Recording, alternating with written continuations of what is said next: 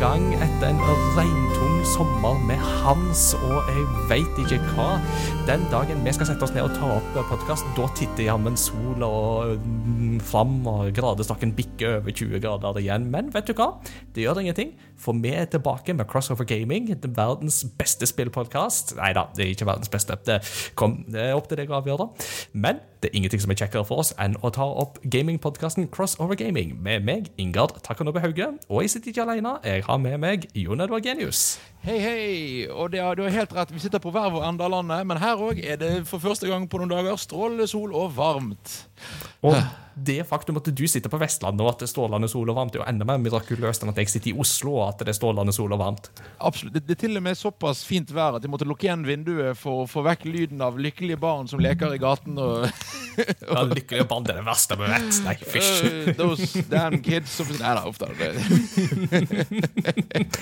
Nei da, det er så bra at det. Og sjøl var jeg litt sånn bekymra, for jeg hadde en eh, vaktmester som gikk med kantklipper utafor utenfor vinduet her for en halvtime siden, men han var heldigvis ferdig nå, da. Så, så jeg forhåpentligvis så slippes det høres ut som at jeg får en buzzcut, buzz mens vi tar opp eh, denne podkasten her. Ja. Men uh, godt å se deg igjen, Jon Edvard. Dette begynner å bli nok en stund siden, så da er jo spørsmålet hvordan har det gått med Grease og Lightning?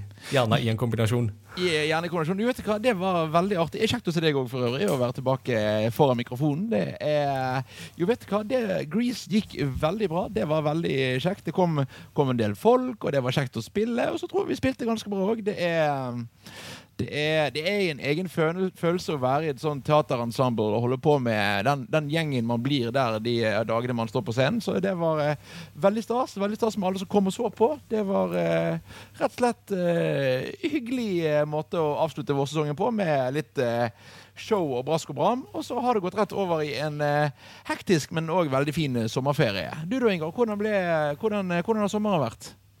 Våt. Nei, altså sånn er det, vet du. Når uh, årets ferie går til Trøndelag, så blir det ikke veldig mye sol og sommer nødvendigvis. Men uh, altså, det altså, Man kan spille masse når det er regn, så det gjør egentlig ingenting. Nei da, men det har gått fint. En relativt kort ferie på meg, og begynte på jobb igjen sånn i midten av juli. Så, og nå er det jo semesterstart, og det er jo alltid en spennende sesong for oss som jobber innenfor høgskolesektoren. Så det er jo veldig kjekt å på en måte ha studentene inn i full mundur. Så det setter vi jo veldig pris på. Absolutt. Og snakke om eh, Trondheims ferie. Litt av grunnen til at jeg var der, var jo for å feire vår tredje tredjemann, Peter Gjøskjell. Eh, han skulle egentlig vært med, men eh, Peter har av og til litt sånn problemer med noen ompalomper som setter litt sånn begrensninger på helsa. Og denne gangen så var det en ompalompa i form av Hugh Grant som kom og satte en stopper. Så da ønsker vi bare Peter god bedring, og så kommer han sterkere tilbake neste gang. Umpa, lumpa. Hver gang man begynner å synge på den, så begynner jeg alltid på grunka, lanka, kamparadidians, don't ask about the secret ingredient. Og Apropos det, Futurama er jo tilbake med en ny sesong, så da kan man jo ikke klage. Og uh, den uka denne podkasten her slippes, så kommer jo jammen òg Asoka på Disney Pluss, så det er gode uh, tider. Nerdehøsten begynner med brask og bram. Han begynner like hektisk som nerdevåren var, føler jeg. Det er, det er mye ja. som skjer. Ja, det, det, det, er jo ikke måte på, vet du. Det er Parallelt med det så har vi Baldur's Skate 3, vi har Starfield, så kommer oktober, da er det Spiderman, da er det Alan Wake, da er det Super Mario det, det, Hvordan skal vi få tid til alt, Jon Edvard? Det er så synd på oss. Ja, uff a meg. Vi har for mye å spille. Buhu. Buhu. Det var triste greier. La oss snakke om noen hyggeligere greier, som spillnyheter. Ja.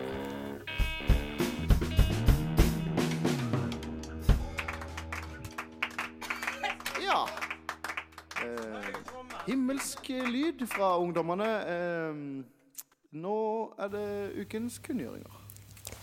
Det er jo, Før vi går så langt at vi begynner å snakke om spillnyheter, så må vi jo ta med et par viktige announcements. Den første nyheten er jo Du har jo fylt år i sommer. Yeah!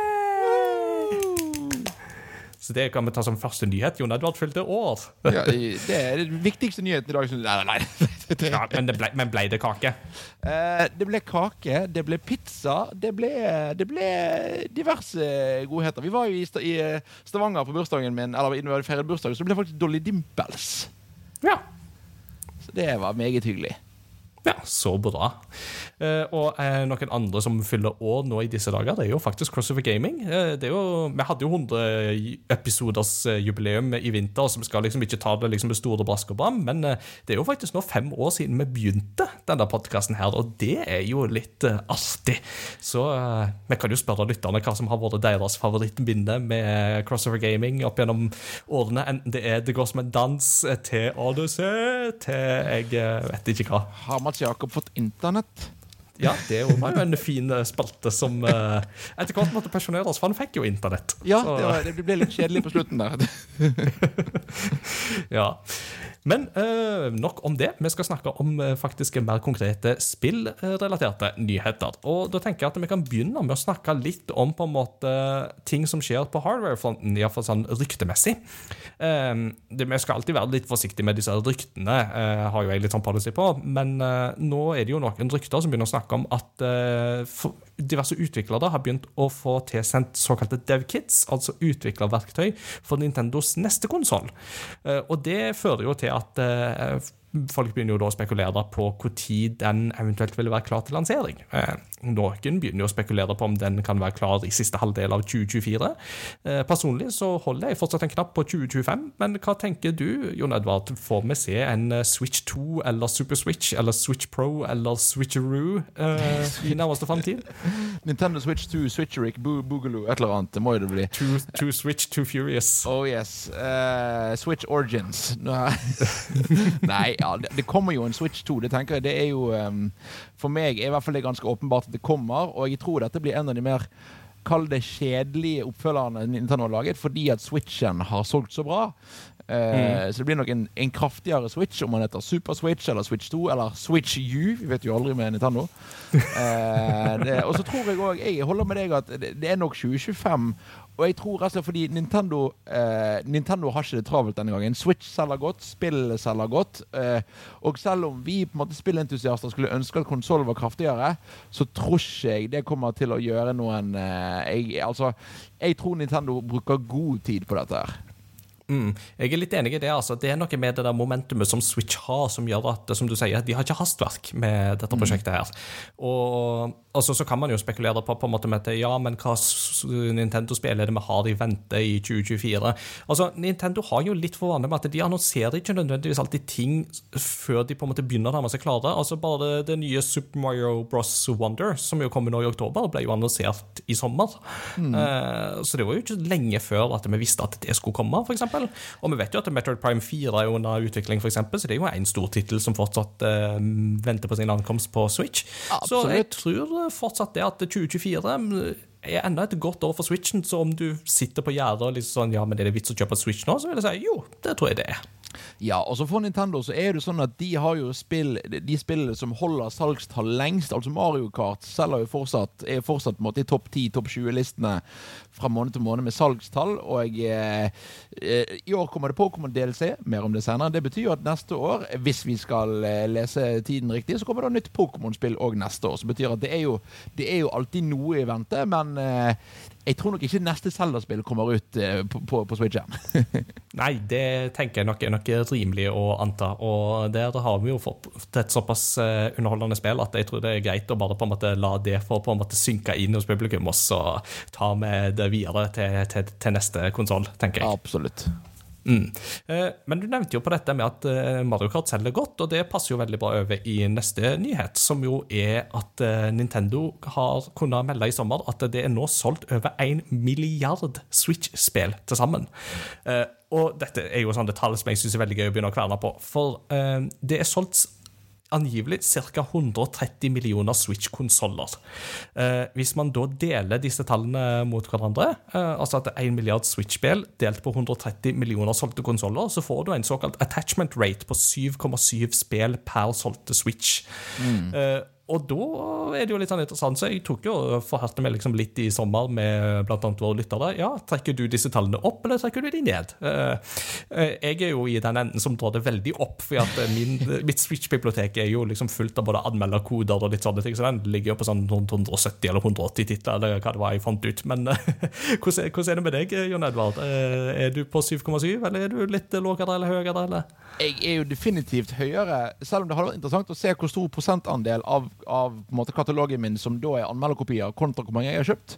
Eh, mm. jeg, har, jeg, har, definitivt kjøpt over syv. Eh, godt over syv spill, men det er jo eh, det er jo interessant. Og så er det òg 7,7. Når det er gjennomsnittet, så er det ganske bra. For vi vet at dette var vel for så vidt under PlayStation 4-generasjonen.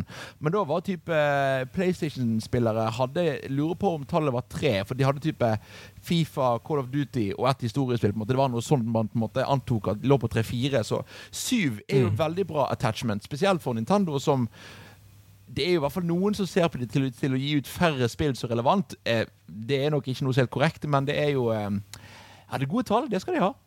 Mm. Eh, og Mario Kart står jo, står jo, for nesten 50 millioner alene, så det er jo eh, liksom veldig bra, det òg. Ikke sant? Og og der har vi jo Når vi snakker om det med attachment rate og sånt, altså, det er jo veldig mange som har eh, Switch bare som en Mario Kart-konsoll. Altså, de har Mario Kart, og så har de kanskje Minecraft, og så har de et Mario eller Zelda-spill, og that's it. på en måte, Så det er absolutt på en måte det segmentet har du jo òg innenfor dette. Mm. Altså, Men, vet jeg, måte, jeg, vet på en måte, jeg har liksom har, i hvert fall ett vennepar, om ikke flere, så har liksom Switchen i brettspillhyll. Det er litt sånn den mm. i den der, det er sånn, nå, er det, nå er vi venner over, nå spiller vi Switch eller Monopol. og det de jo da selvsagt har, er jo dette her eh, Switch-spillet med masse brettspill på. Altså det der 52 Great Classics, ja. eller mm. hva, hva, det heter. Eh, og det teller bare som ett spill, altså, folkens. Det, sorry, men eh, det teller bare som ett i dette regnestykket her. men blant våre lyttere så virker det som at de fleste trakk det litt opp, altså. Så det er jo interessant å se. Men jeg har òg vært borti noen som sier at nei, jeg trekker det ned. Så ja. Men uh, for det meste, blant våre lyttere iallfall, så tror jeg at uh, de har representert liksom litt over dette ja. snittet på 7,7, og det er jo mm. gledelig. Og Da blir det jo spennende å se da, hva uh, Switch-oppfølgeren byr på, og med tanke på blir ting bakover kompatibelt, f.eks. Jeg har jo virkelig et ønske om det, men det er jo ikke garantert. Mm. Det er, blir veldig spennende å følge med på det der. Og eh, hvis det ikke er bakoverkompatibelt, hvor om det kommer til å gå utover salgstallet måte, eller ikke. Det, det, det, er noen spennende år i vente når vi begynner etter hvert nå å få nyheter, og ikke bare spekulasjoner om den neste konsollen. Mm. Uh, jeg tenker jo det at det er to ting uh, som jeg gjerne vil ha uh, i, den, um, i, den, oppfølgeren. det ene er, tenker jeg at det må de ha. Det andre tenker jeg at det ønsker jeg veldig gjerne, men jeg tviler dessverre på det. det ene er jo bakoverkompatibilitet med eh, Switch sine spill, sånn som de er i dag. Uh, gjerne at vi kan få de å si, litt oppskalerte, eller at de kjører litt bedre. Det hadde jo vært gull. Men det andre er jo da at jeg vil vel, hvis det kjører en sånn håndholdt skjermløsning, så vil jeg jo aller helst ha en OLED-skjerm. Men det tviler jeg jo dessverre på, fordi OLED-skjermer er dyrere. og ja, de prøver nok å kutte kostnadene. Ja, altså, det er jo litt spørsmål Kommer de til å kjøre på nytt med miniformat etter hvert? Og det kan jo være at de lager en Switch 2 OLED etter hvert, men det, det er mange spørsmål. Mm. Jeg vil ha OLED med en gang, så det er så. jeg er blitt for glad i den Switch OLED-skjermen, altså, for den eh, er meget god. Jeg er veldig enig i at det er en veldig god og fin skjerm. Og så blir det spennende å se på dokken. Hva Blir dokken Blir dokken type noe som gjør switchen kraftigere denne gangen? Er det noe som er Switch Dock 2 kompatibel med Switch nummer 1 eh, osv.? Det er mange spørsmål ute å gå. Mm. Dette blir en uh, spennende tid å følge med på framover, tenker jeg. Mm. Uh, men eh, det er ikke bare Nintendo som, eh, der det sirkulerer litt eh, rykter om uh, ny hardware. det sirkulerer litt rykter på PlayStation 5-fronten òg. Uh, og det som er interessant, er at den, i snakkende stund så er det akkurat nå en kampanje der uh, PlayStation 5 faktisk er på tilbud, og dermed er 1000 kroner billigere enn normalt fram til og med 27. august. Noe som vil si at den da er 200 kroner billigere enn det den kosta ved lansering. Fordi at prisen gikk jo opp på et tidspunkt. Mm. men litt av det man jo spekulerer spekulerer på, er jo det at det går jo veldig mange rykter om en slags eh, PlayStation 5 Slim. Eh, altså en litt sånn trimma variant av PlayStation 5. Men det sirkulerer ganske mange ubekrefta rykter om denne varianten. her. Du har liksom, Noen kaller det en slim, noen kaller det en utgave der du har en Blu-ray drive som du kan velge om du skal ha den på eller av eller ikke. og det er veldig mange som Man vet liksom ikke noe konkret i snakkende stund. Uh, men uh, hva tenker du? Er det noe nytt PlayStation hardware i vente, og er det i så fall nødvendig? jeg, jeg, vet ikke, for de har jo allerede i år gitt ut PlayStation VR2, og de holder på med denne her eh, streamekonsollen sin. Mm, Project Q. Eh, Project Q. Um, så jeg vil nok tro at det er i hvert fall ikke noe som kommer i år. Eh, og jeg er egentlig ikke sikker på om neste år om eh, Jeg vet ikke om det er nødvendig. Altså eh, jeg, vet, altså, jeg, jeg, jeg, ser ikke nødvendigvis behovet, men det er jo en stor konsoll. Det er jo det. Uh, så jeg, jeg, vet ikke jeg, jeg, er veldig spørrende, men jeg så vidt også, jeg føler at PlayStation generelt med hardware er, litt, er på en litt rar plass. PlayStation 5 var et veldig designerprodukt. PlayStation VR2 har forsvunnet så fort som det kom, og denne streamingkonsollen er noe som Mm, streaming håndholden er noe som i hvert fall jeg stiller veldig spørrende til om det er nødvendig. Så jeg, jeg vet ikke hva, hva de kommer til å gjøre. Nei, Nei, det, jeg, jeg, er veldig enig i den assessmenten der. Uh, mm. Så vi får se hvor det, det går hen. Um, med mindre den på en måte er kraftigere, så ser jeg liksom ikke noe behov for min del til å oppgradere det. Uh, og det er veldig lite som tyder på at vi på en måte ser på en pro-løsning i dette tilfellet. her. Det er også spørsmål om det i det hele tatt er nødvendig. Uh, altså, for veldig mange spill virker det jo mer som det har med optimalisering å gjøre, mer enn det har med på en måte selve hardwaren å gjøre. Så, men vi får se. Absolutt. Mm. Uh, så er det jo sånn at uh, flere av våre lyttere i snakkende tidspunkt uh, sitter travelt opptatt fordi de sitter med Baldur's Gate 3, et spill som jo slår ganske mange rekorder både når det gjelder salgstall og popularitet. Uh, det har faktisk blitt det beste anmeldte spillet på Open Critic noen gang, så det er jo kjempeimponerende. og faktisk så var Baldur's Gate 3-lanseringa så populær at det holdt på å kvele Steam. Uh, det var vel gamer.no skrev at den ferdige versjonen kunne ikke forhåndslastes, som Steam ofte gjør med nye utgivelser. Dermed måtte alle som ville spille det på utgivelsesdagen, hive seg på fra klokka 17.00 og håpe at serverne overlevde. Eh, det gjorde de nesten ikke. Det holdt på å kveles, og de har jo hatt eh, samtidige spillere på oppi 800 000, eh, som jo er et formidabelt bra tall for et så Hva skal du si, da? Det er jo et veldig sånn innenfor veld, en veldig nisje altså Tidligere i hvert fall hadde det jo vært anerkjent ansett som et litt sånn nisjefelt, men Baldur's Gate 3 lanseres jo i et landskap som er mye mer åpent for rollespill. Ja, på en måte, og det er jo òg nisjespill, blant annet fordi at jeg tror Baldur's Gate òg må få premien for en lengst tid mellom oppfølgere. For Baldur's Gate 2, hva var det? 2000-tallet? Ja, noe sant. Det var vel 2001 1, 2002 Jeg tror det kanskje var 2002, for jeg tror de lanserte det før eh, Star Wars Battles eh, Star Wars Nights of the Old Republic, som jo var 2003. Så det, eh, for mer om det, hør på retrospillauget om Star Wars Nights of the Old Republic. Og da skulle man i hvert fall tro at det var nisjespill, på en måte. Når det er liksom en, og det, det er Boulders Gate 3, det er ikke en reboot, det er en oppfølger. og det er men jeg vet ikke på en måte, ja, når det er gode salgstall på Steam, kan det være at dette er et spill for, for folk med Steam-dekk? Kan det gjøre noe av det?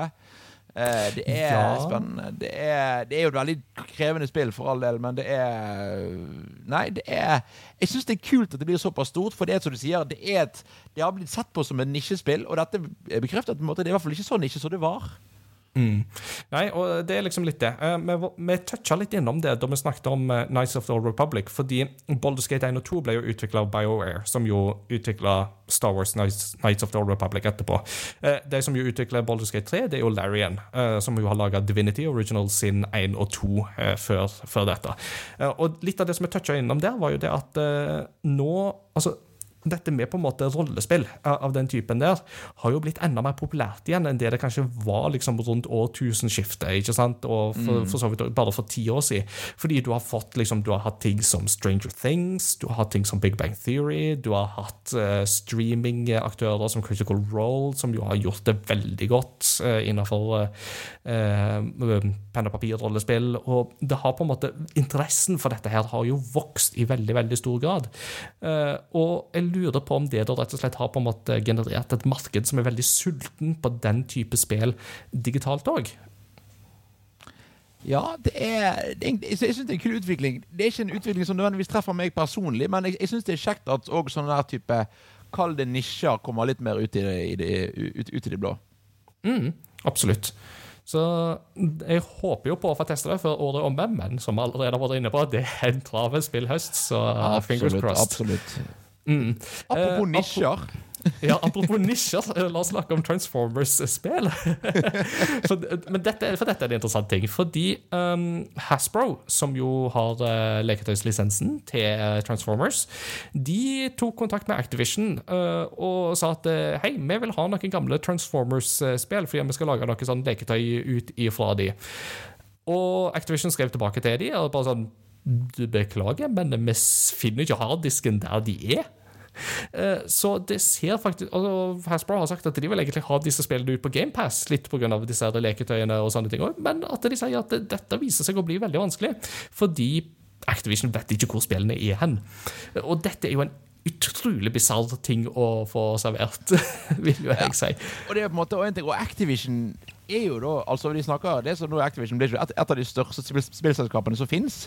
Og de har rotet bort eh, spill basert på en svær mediefranchise. Er jo um, skal, skal vi bruke uheldig? Er det eh, er jo en mild, sagt, mild versjon av begrepet. Og så er jo det òg Eh, fordi at flere av disse gamle Transformers-spillene er, Dette er på en måte ikke bare tie-in-spill til filmer som ble pumpet ut. Flere av disse ble faktisk hyllet som overraskende gode lisensspill. Mm, ja, og det var liksom det. Og de er jo ikke så gamle heller. altså Dette er jo fra på en måte 360 PS3 eh, Jeg lurer på om det, eh, en av de i hvert fall ble gitt ut på Wii U òg, så vi snakker liksom litt i på en måte, snakker ikke mer sånn rundt på en måte 10-12 år tilbake i tid. Og ble, som du sier, hylla for å være overraskende gode.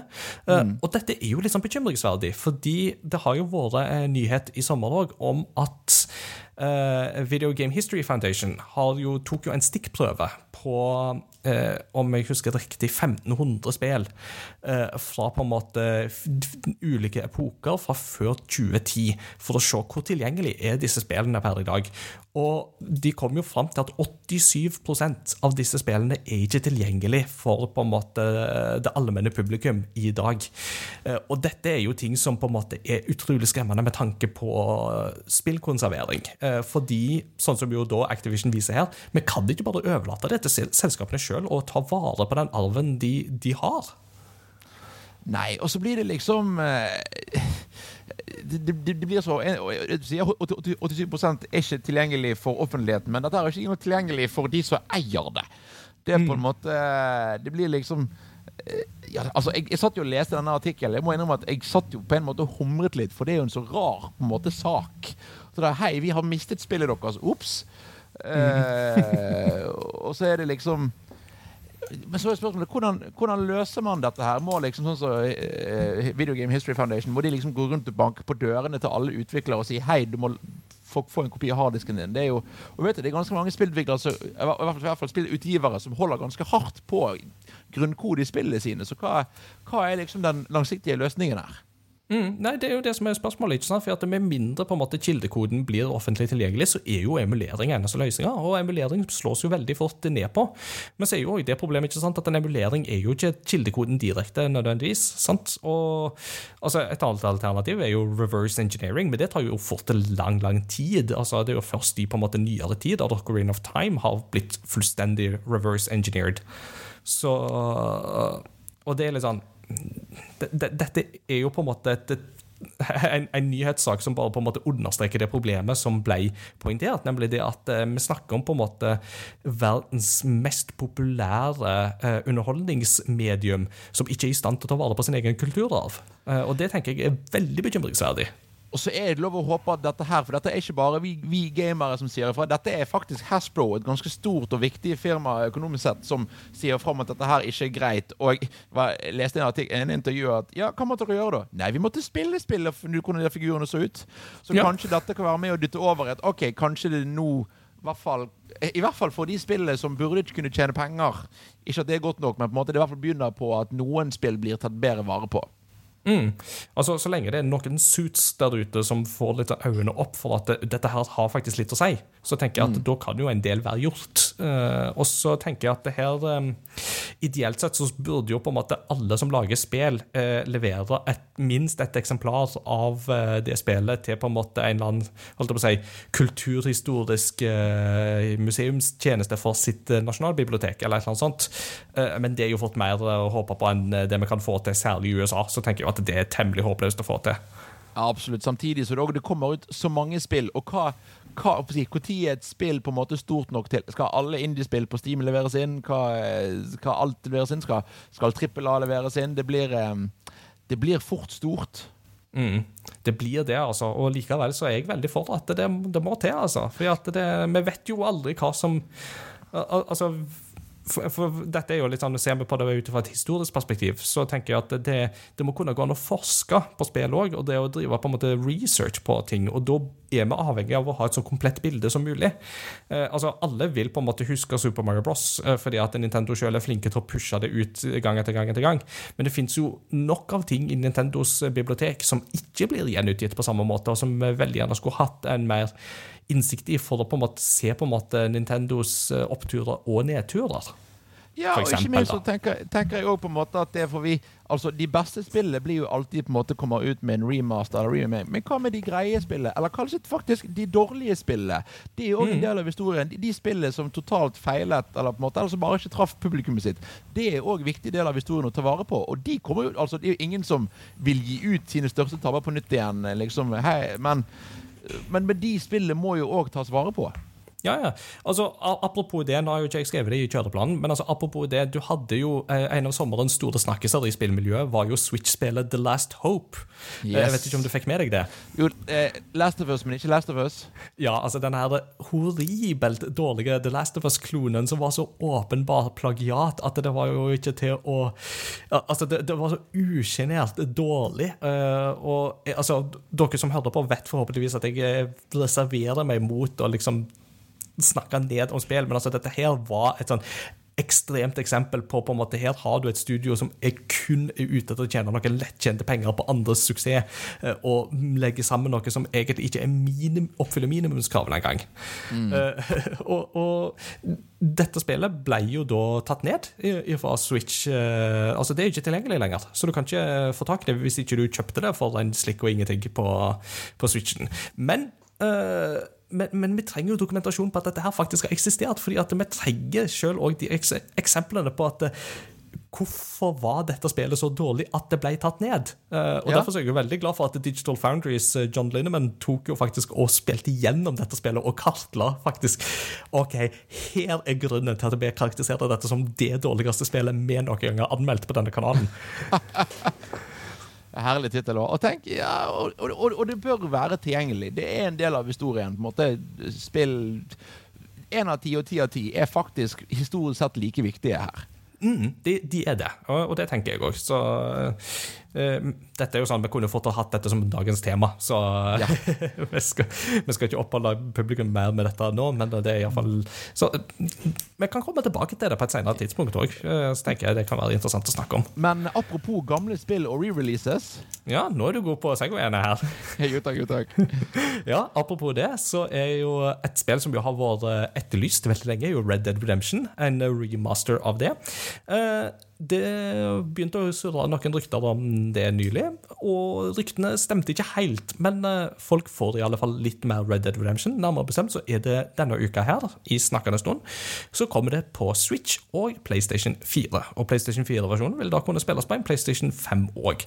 Ja, men hvorfor ikke Xbox, spør folk? Jo, fordi at eh, det er allerede tilgjengelig på Xbox, og der blir det oppskalert til 4K30 frames per second, faktisk. Så i en veldig god uh, oppskalering. Så per i dag så har det vært den beste løsningen å spille det på. Fortsatt ingen versjon til PC, så beklager alle moddere der ute, men eh, det, det, dere må fortsatt se langt etter Red Dead Redemption, dessverre. Kommer du til å plukke det opp igjen, eller? Uh, jeg har faktisk aldri spilt Red Dead, uh, så jeg har tenkt at uh, jeg, jeg, jeg, jeg, håper ikke på det nå, men det kan godt være at jeg skal prøve dette i løpet av høsten. Det må, nok, det, det, må nok prøves. Mm, jeg kan absolutt anbefale Red Dead Redemption. Jeg spilte det jo sjøl for ikke så altfor mange år siden. Det var vel omtrent litt da vi begynte med denne podkasten at jeg spilte det for første gang, for jeg skulle varme opp til Red Dead Redemption 2. Ja, og jeg vil si at det holdt seg veldig bra den gang, iallfall. Så er ikke så mye som har skjedd på de fem årene at jeg vil tro at det har liksom blitt svekka. Så ja. Det blir, eller det kommer jo an på porten, da. Det kan være, Er det en dårlig port? Har de, det får vi se. Mm, Men, eh, ja. men ja, ja. Mm. Eh, Så en nyhet som jeg gjerne skulle hatt Peter til å snakke om, men jeg kan bekrefte at han ble veldig glad da jeg kunne melde at eh, Assassin's Creed Mirage eh, faktisk er ferdig utvikla. Så derfor så sa Ubisoft ja, men da lanserer vi det en uke tidligere enn planlagt. Så det vil komme 5. oktober istedenfor 12. oktober. Og det er jo en sånn Ja, vi er ferdige med det, så vi kan like gjerne publisere det. Jeg synes det er en sånn gøyal liten sak. Ja, så er jo det veldig artig med tanke på at spesielt Assassin's Creed-spillet har jo en historie for å slippes når de er akkurat ferdig, eller nesten helt ferdig. Og da på en måte sier ja, de var ferdig tidlig denne gangen. Men Mir- Mirage var jo på en måte et av de mindre spillene. Det skulle vel være på en måte litt mer type 20 timer enn 50 timer. Så det kan være at slett det, det har lønnet seg i andre enden.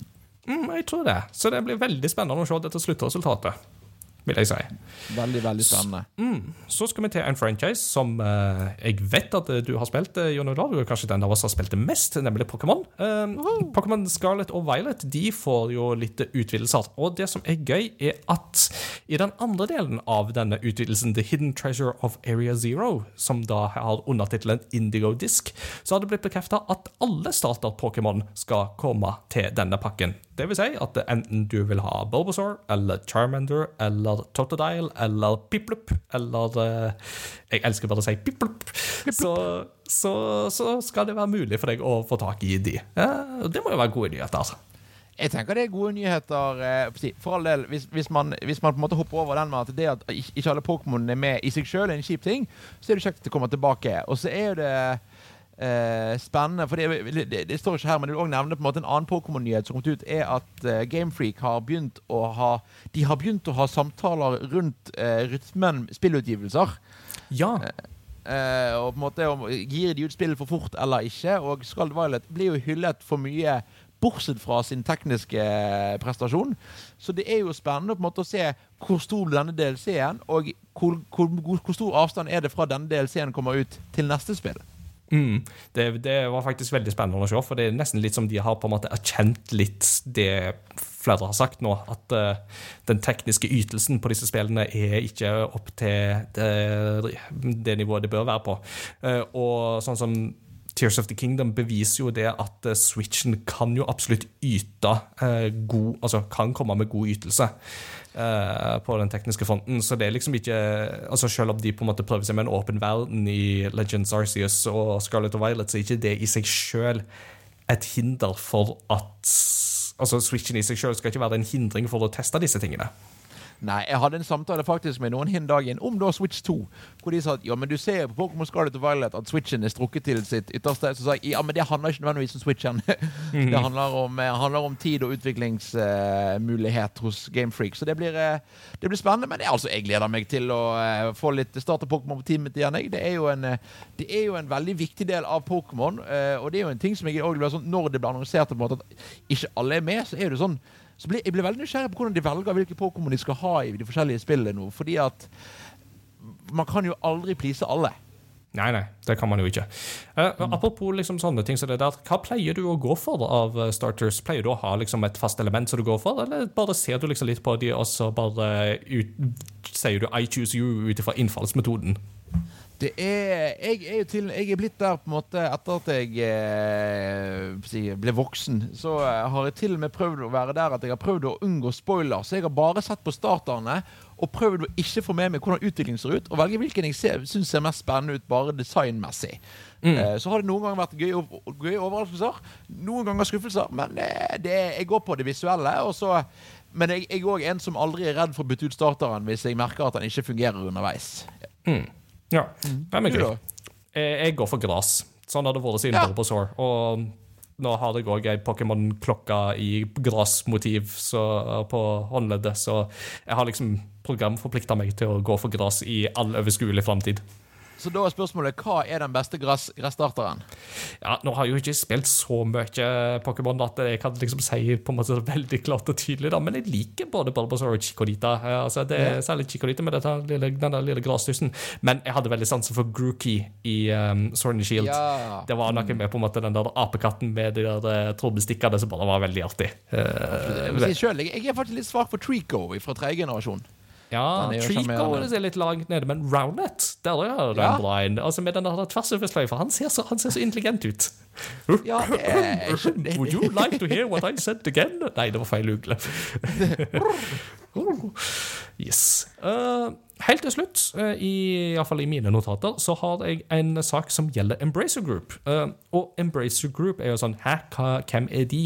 Men uh, hvis jeg sier THQ Nordic, for eksempel, så er jo det et navn som flere vet om. Og Embracer Group er jo et stort selskap som har kjøpt opp en rekke spillstudioer og lisenser de siste årene og bygd seg opp til å bli et massivt selskap. De eier jo alt fra THQ Nordic og deres datterselskaper til eh, alt som er Ringenes herre-relatert utenom Ringenes herre og Hobbiten. Eh, så de har jo ganske mye eh, liggende som de kan eh, lage av. Og så har det jo vist seg at de har vokst seg litt for store, og økonomien deres har ikke gått helt som forventa, så de er jo nå i ferd med å skjære ned. Og litt av grunnen til at de er i ferd med å skjære ned, er fordi at det var en avtale på to milliarder dollar som de egentlig skulle inngå i mai, som sprakk. Og de har liksom vært litt sånn utydelige på hvem den var med. Nå har en rapport vist at eh, den avtalen skulle egentlig ha vært med det saudi-arabiske statlige fondet, altså tilsvarende det norske oljefondet. Eh, og dette er jo selvsagt ikke helt ukontroversielt, eh, blant annet fordi at mange anklager jo dette for å være på en måte det saudi-arabiske forsøket på å prøve å på en måte kjøpe seg et bedre image. Det har jo annet vært knytta en del eh, kritikk til sportsverdenen, der eh, man eh, finansierer en del sportsarrangementer knytta til dette fondet her, med begreper som sportsvasking involvert i dette her. Har du noen tanker knytta til dette her, Jon Edvard? Er det liksom positivt eller negativt at en sånn ting sprekker, og hvor kritiske skal vi være til dette fondet?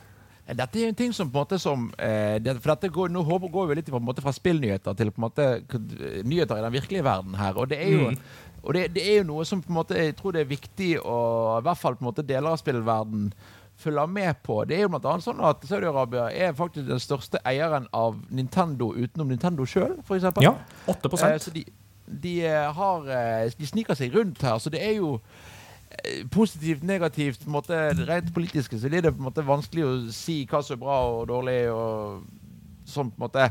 Men det er kanskje en god ting, kanskje en dårlig ting. kanskje men for all del, hvis dette betyr at en Embracer Group, som har drevet og spist opp småfirmaer, plutselig nå må drive og stenge ned studioer, så er jo ikke det en god ting i seg sjøl. Så det det er en kompleks sak. Eh, interessant å følge med på, men kanskje egentlig man blir kanskje litt sånn småsvimmel når man innser på en måte hva dette egentlig handler om. Så sier det handler om på en måte Og det handler om et land som skal renvaske seg sjøl. Kanskje mer enn Å, kanskje det kommer nytt spill om Ringenes herre. Så det blir, jo- det blir jo veldig kontraster. Ja, ikke sant. Og um, ja. Jeg hadde et poeng, men det forsvant. Eh, Så, så, så kan det skje av og til. Oh, yes. Eh, nei, og altså, jo, for Poenget mitt var jo det at um, Embracer Group altså Hovedproblemet med der, og hovedårsaken til at de jo må legge ned ting, er jo det at de har spist mer enn de var i stand til å bite over. Ikke sant? Altså, Ja. de, de, they chewed over, by, bit over more than they could chew. Og det kan på en måte ikke Du kan ikke skylde på det saudi-arabiske statlige oljefondet pga. det. altså, det, det Absolutt, søkt. absolutt. Altså, så Embracer Group må på en måte ta sjøl ansvar for akkurat det der. Men det er likevel hele den på en måte problemstillinga her knytta til at eh, hvem som investerer i hva, og hvor pengene kommer fra, osv., osv. Det er ikke likegyldig, det, det altså.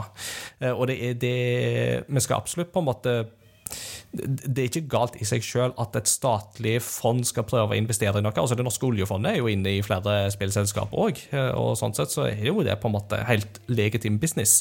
Men det er noe med liksom hva har man tjent disse pengene på, hva brukes disse pengene på, hva er liksom formålet med disse prosjektene her, osv. Og, så og det handler jo ikke bare om økonomisk vekst, men det handler jo òg om noen politiske skyggesider som eh, eh, ja, kunne vært et tema i seg sjøl i en episode, eh, men da burde vi nok hatt noen som er litt bedre vandra i midtøstlig politikk eh, og økonomisk politikk enn det vi to er. Det er nok ikke våre ekspertiseområder, er det vel lov å si. Nei, ikke ta økonomiske råd fra Crossover Gaming.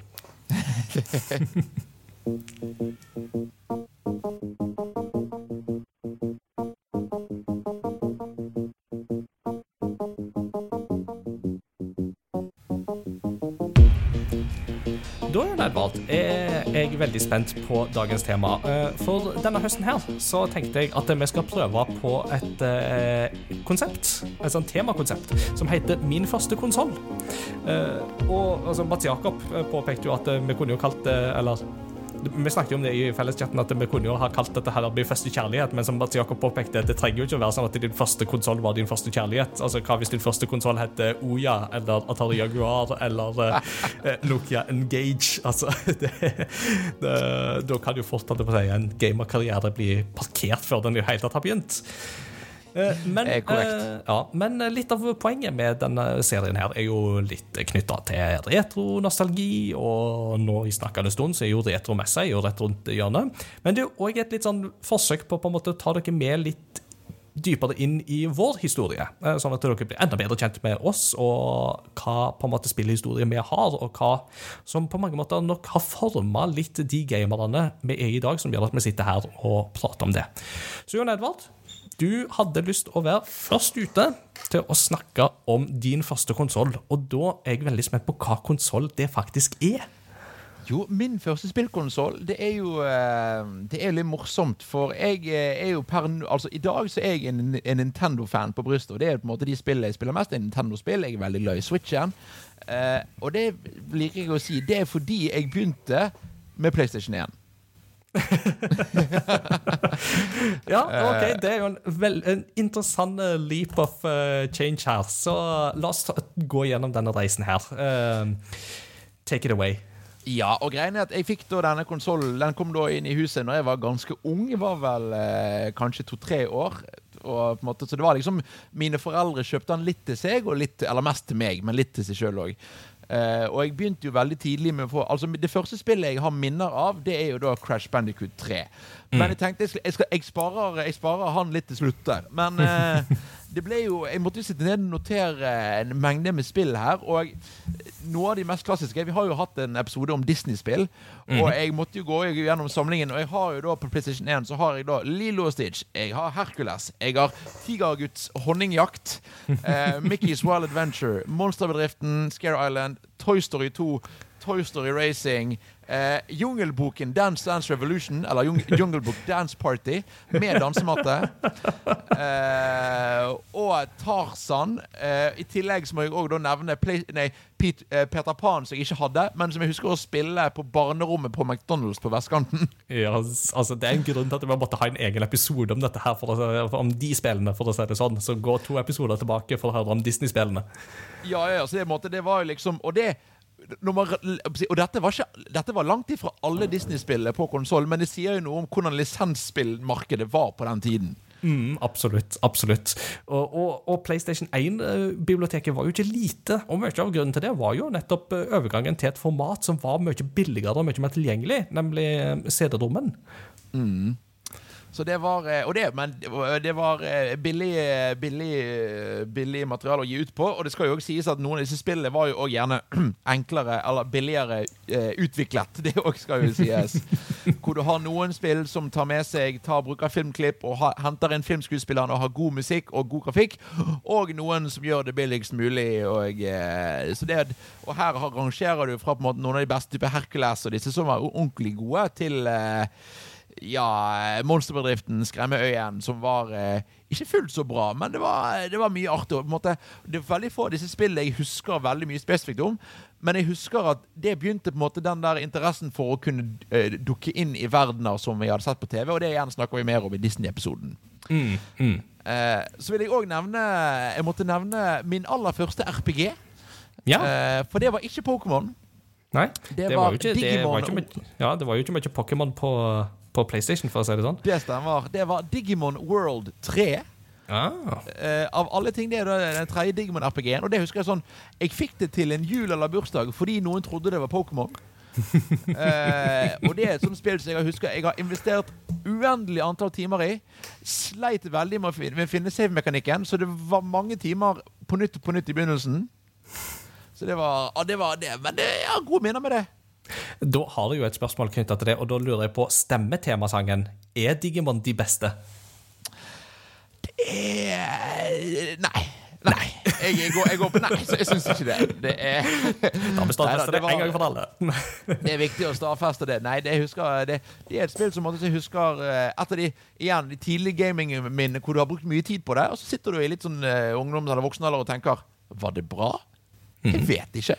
Eh, men det var, det var noe artig, så det spilte jeg. Eh, og så spilte jeg Og så kom jeg inn på disse spillene som jeg spilte mye med familien. Og da hadde vi faktisk første jeg vil nevne. Det er faktisk spillet jeg spilte mye med min far. Det var Colin McRae Rally. Åh, Colin McRae Rally. Åh, der har jeg gode Yes. minner, særlig fra nummer to der. Åh, Det er toeren jeg har var- nevnt spesifikt der. Med den Ford-fokusen på coveret, det lyseblå coveret. Åh, det, det er rallyspillet sitt, det. Det var liksom på den tida der rallyspill var liksom ekstra gøy, altså. På den tida der. Du hadde jo V-rally hadde du òg på Nintendo 64, som var en annen sånn eh, tjeneste, men jeg husker spesielt godt eh, Jeg har noen gode minner fra å ha sittet i en sånn eh, simulator. Eh, Jeg lurer på om det var på et sånt sommerstevne for eh, Altså på UL, Ungdommens landsmøte. At de hadde sånn kjøresimulator en gang med Colin McRae. eh, og det har jeg sånn ekstra gode minner fra. Eh, det er vel den gangen i livet jeg har tenkt at uh, det hadde vært gøy å ha og så ser du på prislappene og så bare nope. eh, jeg er ikke interessert i noen bil til det. Det hadde vært gøy å fått. Ja. Så det, nei, og det husker jeg spesifikt, fordi det var et sånt spill som jeg spilte mye med min far. Eh, og jeg husker og kjøring og sånn. Jeg husker til og med, og jeg har fått gjenfortalt denne historien mange ganger, at min far drev og ledet med en runde, og jeg sitter meg ned og begynner å grine. For pappa lå først, han måtte vente på meg. Så min far, storhjertet som han var, han ventet, så jeg kunne få lov å kjøre over mållinjen først. så det er jo et spill. Og for de som lurer på hva skjedde med Colin McRae-serien, det er da det som i dag heter Dirt. Det er riktig.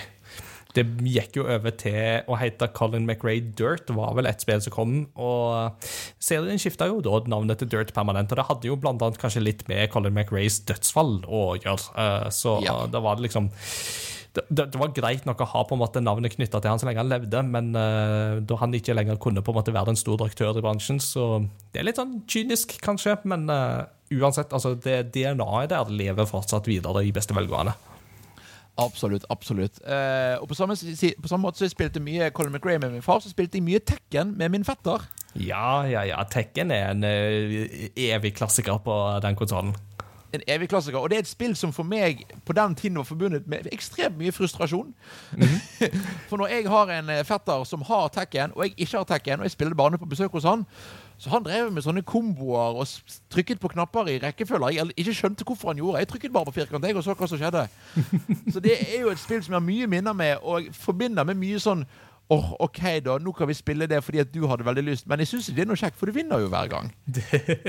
Hvis jeg skal tro eh, Martin i, eller Severian i vårt community riktig, så tror jeg det at den Tekken-frustrasjonen lever fortsatt i beste velgående. Eh, han er sånn, og I hans tilfelle så kommer det etter at han har lagt ned sånn 3000 timer ned i det spillet og fortsatt taper når han spiller mot andre på internett. Så jeg tror Tekken-frustrasjonen er like levende i 2023 som det var på slutten av 90-tallet. Er det godt? Tror jeg. Eh, vi får se. Eh, et annet spill jeg spilte veldig mye med fetterne mine, er jo òg Vi går litt tilbake til lisensverden. Jeg var, vi ble veldig glad i PlayStation-spillet basert på Bayblade. Oh, var det òg en greie? Nei, Selvsagt Det var var det det. Altså, Bayblade var stort nok akkurat da. Selvsagt ble det spill ut av det. Selvfølgelig, selvfølgelig. Og det er også et sånt spill som jeg husker at vi brukte mange timer på å lage de forskjellige Beyblader. Men det var jo en Beyblade-simulator, så du trykket bare på X, og så hoppet de ned. Og så kontrollerte de ikke så mye av selve Beybladene under denne kampen hvor disse snurrebassene slåss mot hverandre. Så det er også et sånt spill jeg husker har spilt mye. Har null peiling hvordan det egentlig fungerer. Det hadde vært veldig gøy hvis du hadde gått tilbake igjen til det spillet i dag og sett Hadde du skjønt mer av det nå, og hadde det i så fall blitt bedre? Det er jo, Nå sitter jeg jo med listen foran meg. Det hadde vært artig å gå tilbake og ha en sånn der, ha en dag eller noen dager hvor bare la oss grave opp disse barndomsminnene. og Litt redd for hvor mange av de barndomsminnene man da ødelegger, men eh, hva gjør man ikke in the name of science? Ja, altså, Hva gjør du ikke for podkastens skyld? Altså, det er jo, um, eh, Jeg sitter jo faktisk akkurat nå i skrivende stund eh, og jobber med neste artikkel på det som er i og har som heter Gode gamle Reactor. Der man jo går tilbake til sånne gamle spill og liksom bare sånn Ja, var det egentlig så bra som jeg husker at det var, og hvordan er det å spille det i dag? Eh, Så jeg holder på med noe der om eh, Kirby 1 og 2 på Gameboy. Som jeg har Ja. spilt litt i sommer. Det kommer jeg tilbake til. Eh, Men eh, hvis du gjør noe tilsvarende for, eh, med Bayblade, og så snakker du om det neste, ved neste anledning, så, så er vi der. Det er veldig gøy. Og da kommer jo spørsmålet hvor kan man spille det spillet nå til dags? Hmm. Så får man spørre spillhistorikerne hvordan det går. Ja, det var nok det der med tilgang, og det hører nok til den der 87 ja, vil jeg nok Jeg nok smertelig redd for. Det er nok helt rett. Eh, et annet spill som jeg også på en måte nevner, det er da Micromaniacs. Jeg vet ikke om du har hørt om det engang? Jeg har hørt om Micromachines, det har jeg hørt om, men Micromaniacs, der må jeg nok melde pass. Det er et sånt spill som jeg husker min mor hadde kjøpt til meg en dag, så jeg spilte og koste meg masse med.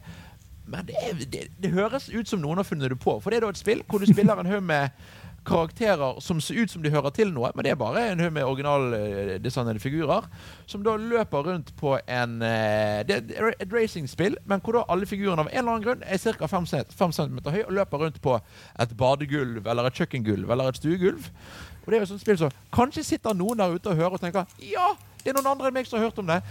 Skriv gjerne i så fall, for det er jo et sånt spill som er Altså, Mange hadde nok de erfaringene med barndomsspill som bare dukket opp, men som aldri hørte om. Men som egentlig aldri hørte om igjen etterpå. Men sånn Dette var eh, i billigkassen på Europris, eller Mm. Ja. Det bare dukket opp, og det var veldig gøy, og så forsvant det igjen. Mm. Og, og PlayStation var jo full av disse her eksemplene. altså Både med PlayStation 1, men særlig PlayStation 2 var jo en sånn konsoll som jo ble solgt overalt. Altså Du fikk jo PlayStation 2-spill på Shell-stasjonen, du fikk det på Rimi back in those days. altså Du måtte liksom ikke på spesialbutikker for, for å finne det, men det var jo sånn som du sier, ikke sant? altså Det var jo så mye rart. og Unnskyld òg, altså så mye ikke så veldig bra på de konsollene òg, som jo ble jo solgt for en slikk og ingenting som det følger. ikke sant? Men nettopp det er jo sånn at plutselig så har det skapt noen barndomsminner for folk. eh, For better or worse. Um, men den formelen som du beskriver der, høres jo litt ut som typen den der um, altså Du hadde jo Army Men, var jo òg en sånn serie på 90-tallet. Så du hadde sånne små leketøysoldater. Så da var det jo liksom spilte du som de i på en måte en stor verden. Eller Nintendo-serien Chibi Robo, for den saks skyld. Eller, Ja. Eller Pikmin, uh, i, uh, som òg jo er liksom den typiske mi miniputt i det som egentlig er en hverdagsverden-type setting. Absolutt, absolutt. Og så har jeg eh, Så må jeg også nevne sånn Jeg spilte jo eksempel Spiderman-spillet på eh, Altså Spiderman 1 på PlayStation fra Er det Neversoft? Nei. Ja, Activision eller Neversoft ja, det, det, ja, nå spør du godt, for det var liksom enten eller. Men det, altså, jeg vet at Spiderman 2, da det kom, så var det i alle fall um, Activision som ga det ut. Men på spørsmålet på. Ja da. Eh, utviklet av Neversoft, utgitt av Activision. Ja, da, så da var begge deler riktig. Og det, er sånn, på en måte, og det husker jeg var et av på en måte, mine første møter med Spiderman. liksom, eh, det det, til barndommen når jeg tenkte på Rhino. tenkte på Rhino fra det spillet og sånn. Og det var sånn ting som jeg spilte med mine fettere og med venner og sånn. Og hadde mye, hadde, hadde det mye kjekt med. Eh, men for å komme litt tilbake til dette argumentet mitt med at jeg er Nintendo-fan fordi jeg begynte på PlayStation 1. Eh, og det var at Noen av de største spillene for meg var da disse maskotspill og maskotplattformerne. Disse her fargerike fargeklattene. Og jeg vil, jo, jeg, vil, jeg vil jo begynne med å nevne For han må jo nevnes Jeg vil nevne Spyro. Ja, ja, ja, gode Eh, Spyro. Gode Spyro, som jeg ikke har så mange minner med, men jeg har minner av min stemor spilte veldig mye av.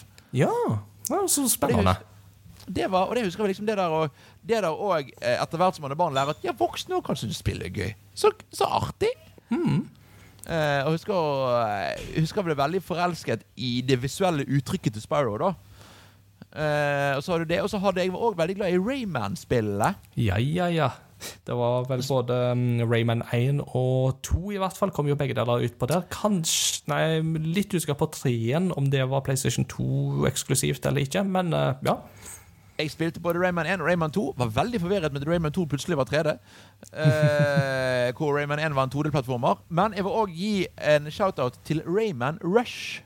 Rayman Rush, ja. Hva, hva var det for et nå igjen? Det var eh, spin- kappløp-spin-offen. Aha. Eh, hvor du da spiller eh, karakterer fra Rayman-serien som da løper om kapp. Eh, og det- òg ble jo da en sånn eh, multiplayer-spill med meg og mine fettere som spilte mye sammen. Ja, nå skal vi sitte oss ned og skal vi spille Rayman Rush og, og løpe om kapp. Huh. Fascinerende. Ja, og det er på en måte Det er noe av dette som gjør at jeg er veldig glad i Nintendo. For her var det på en måte Det var små, søte karakterer som løp rundt, hoppet. Og mye av dette er jo på en måte bare Nintendo som gjør den dag i dag. Det er jo litt Ratchet Clank her og der, liksom, men det er for det meste Nintendo og indie-bevegelsen som står over det. Så der, derfor var det jeg etter hvert ble Nintendo-fan. Mm.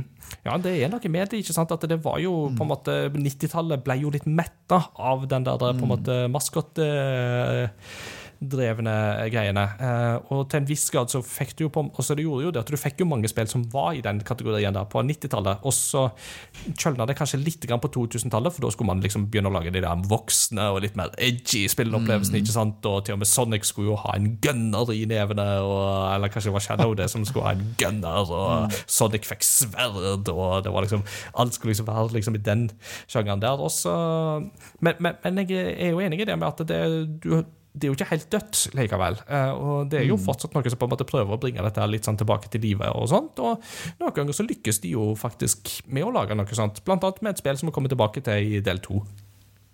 Absolutt. Men jeg må jo avslutte med å snakke om den karakteren som var min Mario, og det er jo Crash Bandicoot. Mm. Og det Oh yes. Og vi Jeg begynte jo Altså, originaltrilogien ble jo spilt i helt feil rekkefølge, hvor jeg begynte med å få treeren. Eh, min fetter fikk toeren. Og eneren fikk jeg ikke spilt før på en måte type 10-15 år seinere. Men det tenker jeg er kanskje like greit, for eneren er jo det vanskeligste av de alle. Absolutt. Eh, og det sier òg noe på en måte om spill og salgstall med at ut, eh, oppfølgeren blir ofte mer populær. Og her var det på en måte Det var sånn i mine vennegjenger òg. Folk hadde spilt Crash 2 og 3. Det var ikke så mange som hadde spilt Crash 1. Nei, nei, nei, jeg ser den, altså. Det, og Crash, Crash 3 var vel et av de bestselgende spillene på PlayStation, i hvert fall i det vestlige markedet, om jeg ikke tar feil. Det stemmer. Og det var jo òg spill som eh, hvor du, jeg kunne spille et level, så skulle min fetter spille et level, så kunne min mor spille et level, og det var noe som alle kunne prøve seg på. Det er jo igjen, og det er det fargerike Looney Tunes-inspirerte karakterdesignet, så det er på en måte noe som for meg ble en veldig viktig del av min barndom, og som jeg fortsatt er veldig glad i den dag i dag. Er, er det i Crash 3 at du har dette her med at du kjører motorsykkel, og du kan ri på denne tigeren på kinesiske mur og litt sånne ting som det der?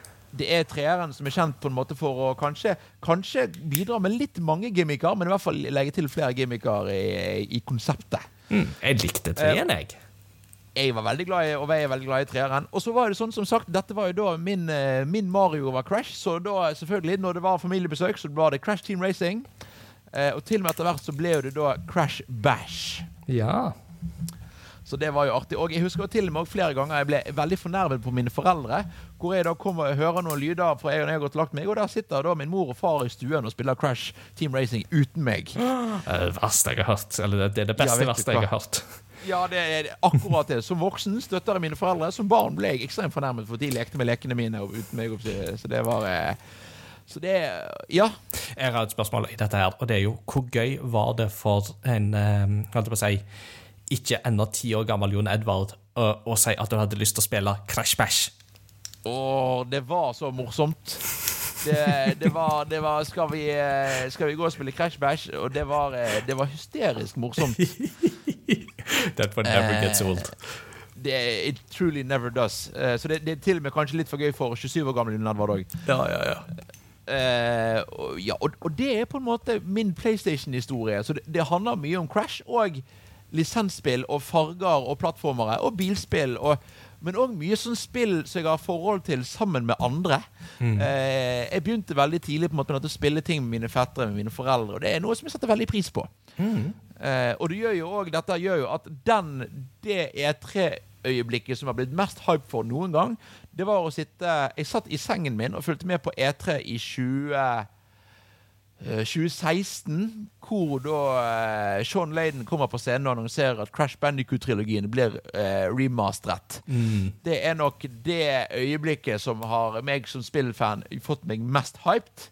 Eh, fordi at PlayStation 1-æraen og da Crash og de andre spillene har så stor plass i hjertet mitt. Mm. Og det var jo en kjempegod remake òg, den eh, trilogien der. Det er jo, det, det er jo, den, det er jo de jeg har spilt. Eh, og selv om Crash Bandicoot 1 fortsatt er unødvendig frustrerende og vanskelig, så eh, må jo sies at det var jo en gyllen anledning å bringe de tilbake på. Og Vicarious Visions òg, altså utrolig god jobb de gjorde med både det og med uh, Tony Hawk. Uh, så det er jo synd at de bare har på en måte blitt spist opp og pøst ut i andre Activision-studioer, sannsynligvis til å jobbe med noen Call of Duty-relaterte ting.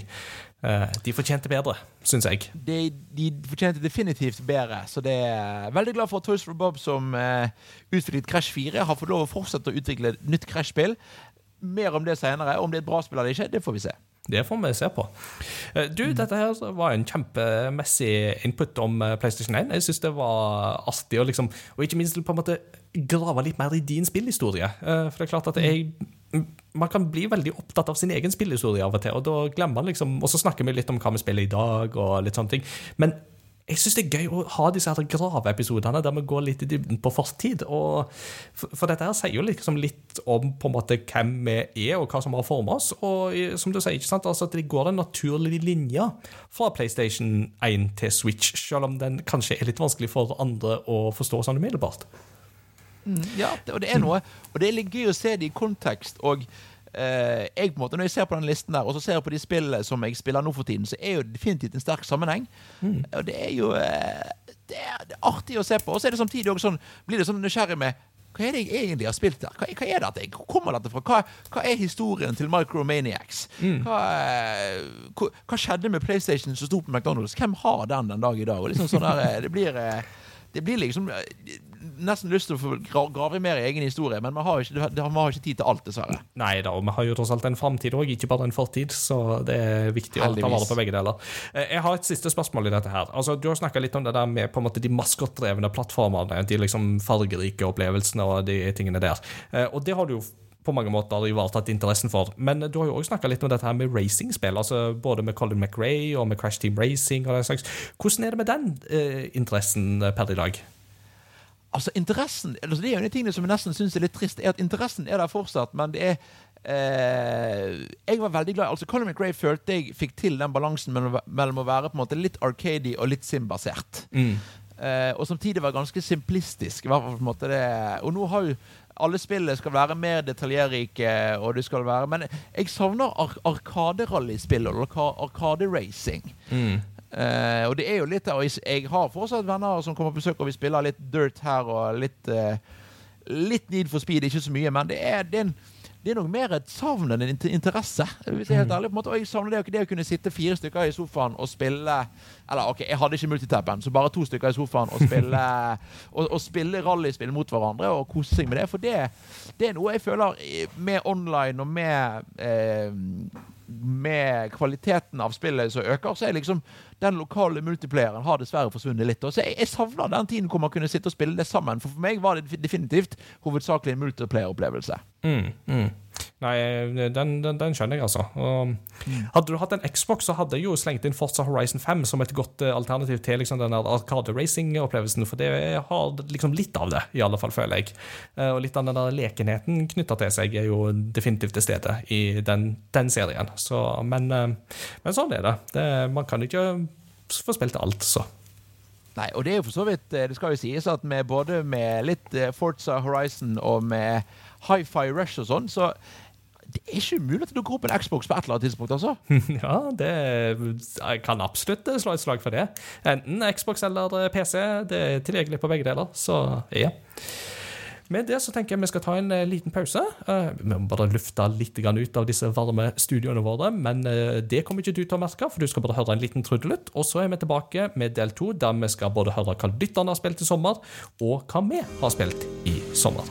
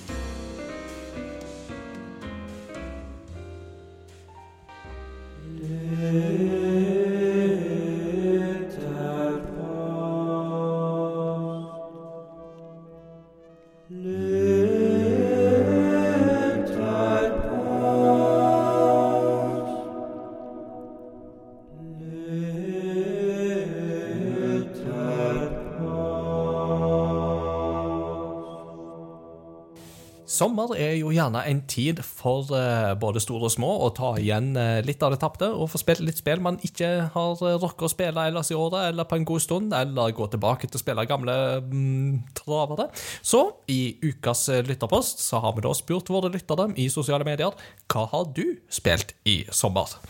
Og hvis folk vil være med og svare på lytterpostene, så er det bare å følge oss på sosiale mediekanaler. Facebook og Discord er de foretrukne kanalene der. Eh, crossovergaming.no. Da finner du lenker til alt som kan krype og gå av det som hører oss til.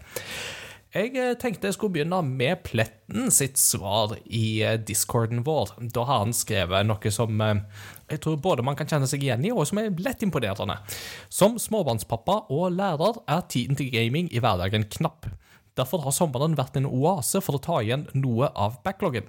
Jeg har i sommer kost meg med å 100% Horizon Forbidden West, platinere The Last of Us Part 2 og Astros Playroom, parentes på tide, tatt opp igjen Fall Guys og startet på Star Wars Jedi Survivor. Både wow. Horizon, The Last of Us og Star Wars er helt nydelige spill. Etter få timer i Star Wars er jeg imponert over hvor mye mørkere oppfølgeren er. Håper det fortsetter slik. Så får jeg heller overleve de grusomme ansiktsanimasjonene i spillet, og at Cal ser ut som han kommer rett fra sminken i TV2. Det arret over nesen er ikke nok til å rettferdiggjøre hvordan ansiktet til en Jedi-rebell bør se ut. Han er altfor glatt. Eh, parentes, jeg har også fått kona tilbake på gamingkjøret med Fall Guys, og nå har hun endelig startet på Miles Morales et par år etter å ha platinert Spiderman. Parentes slutt.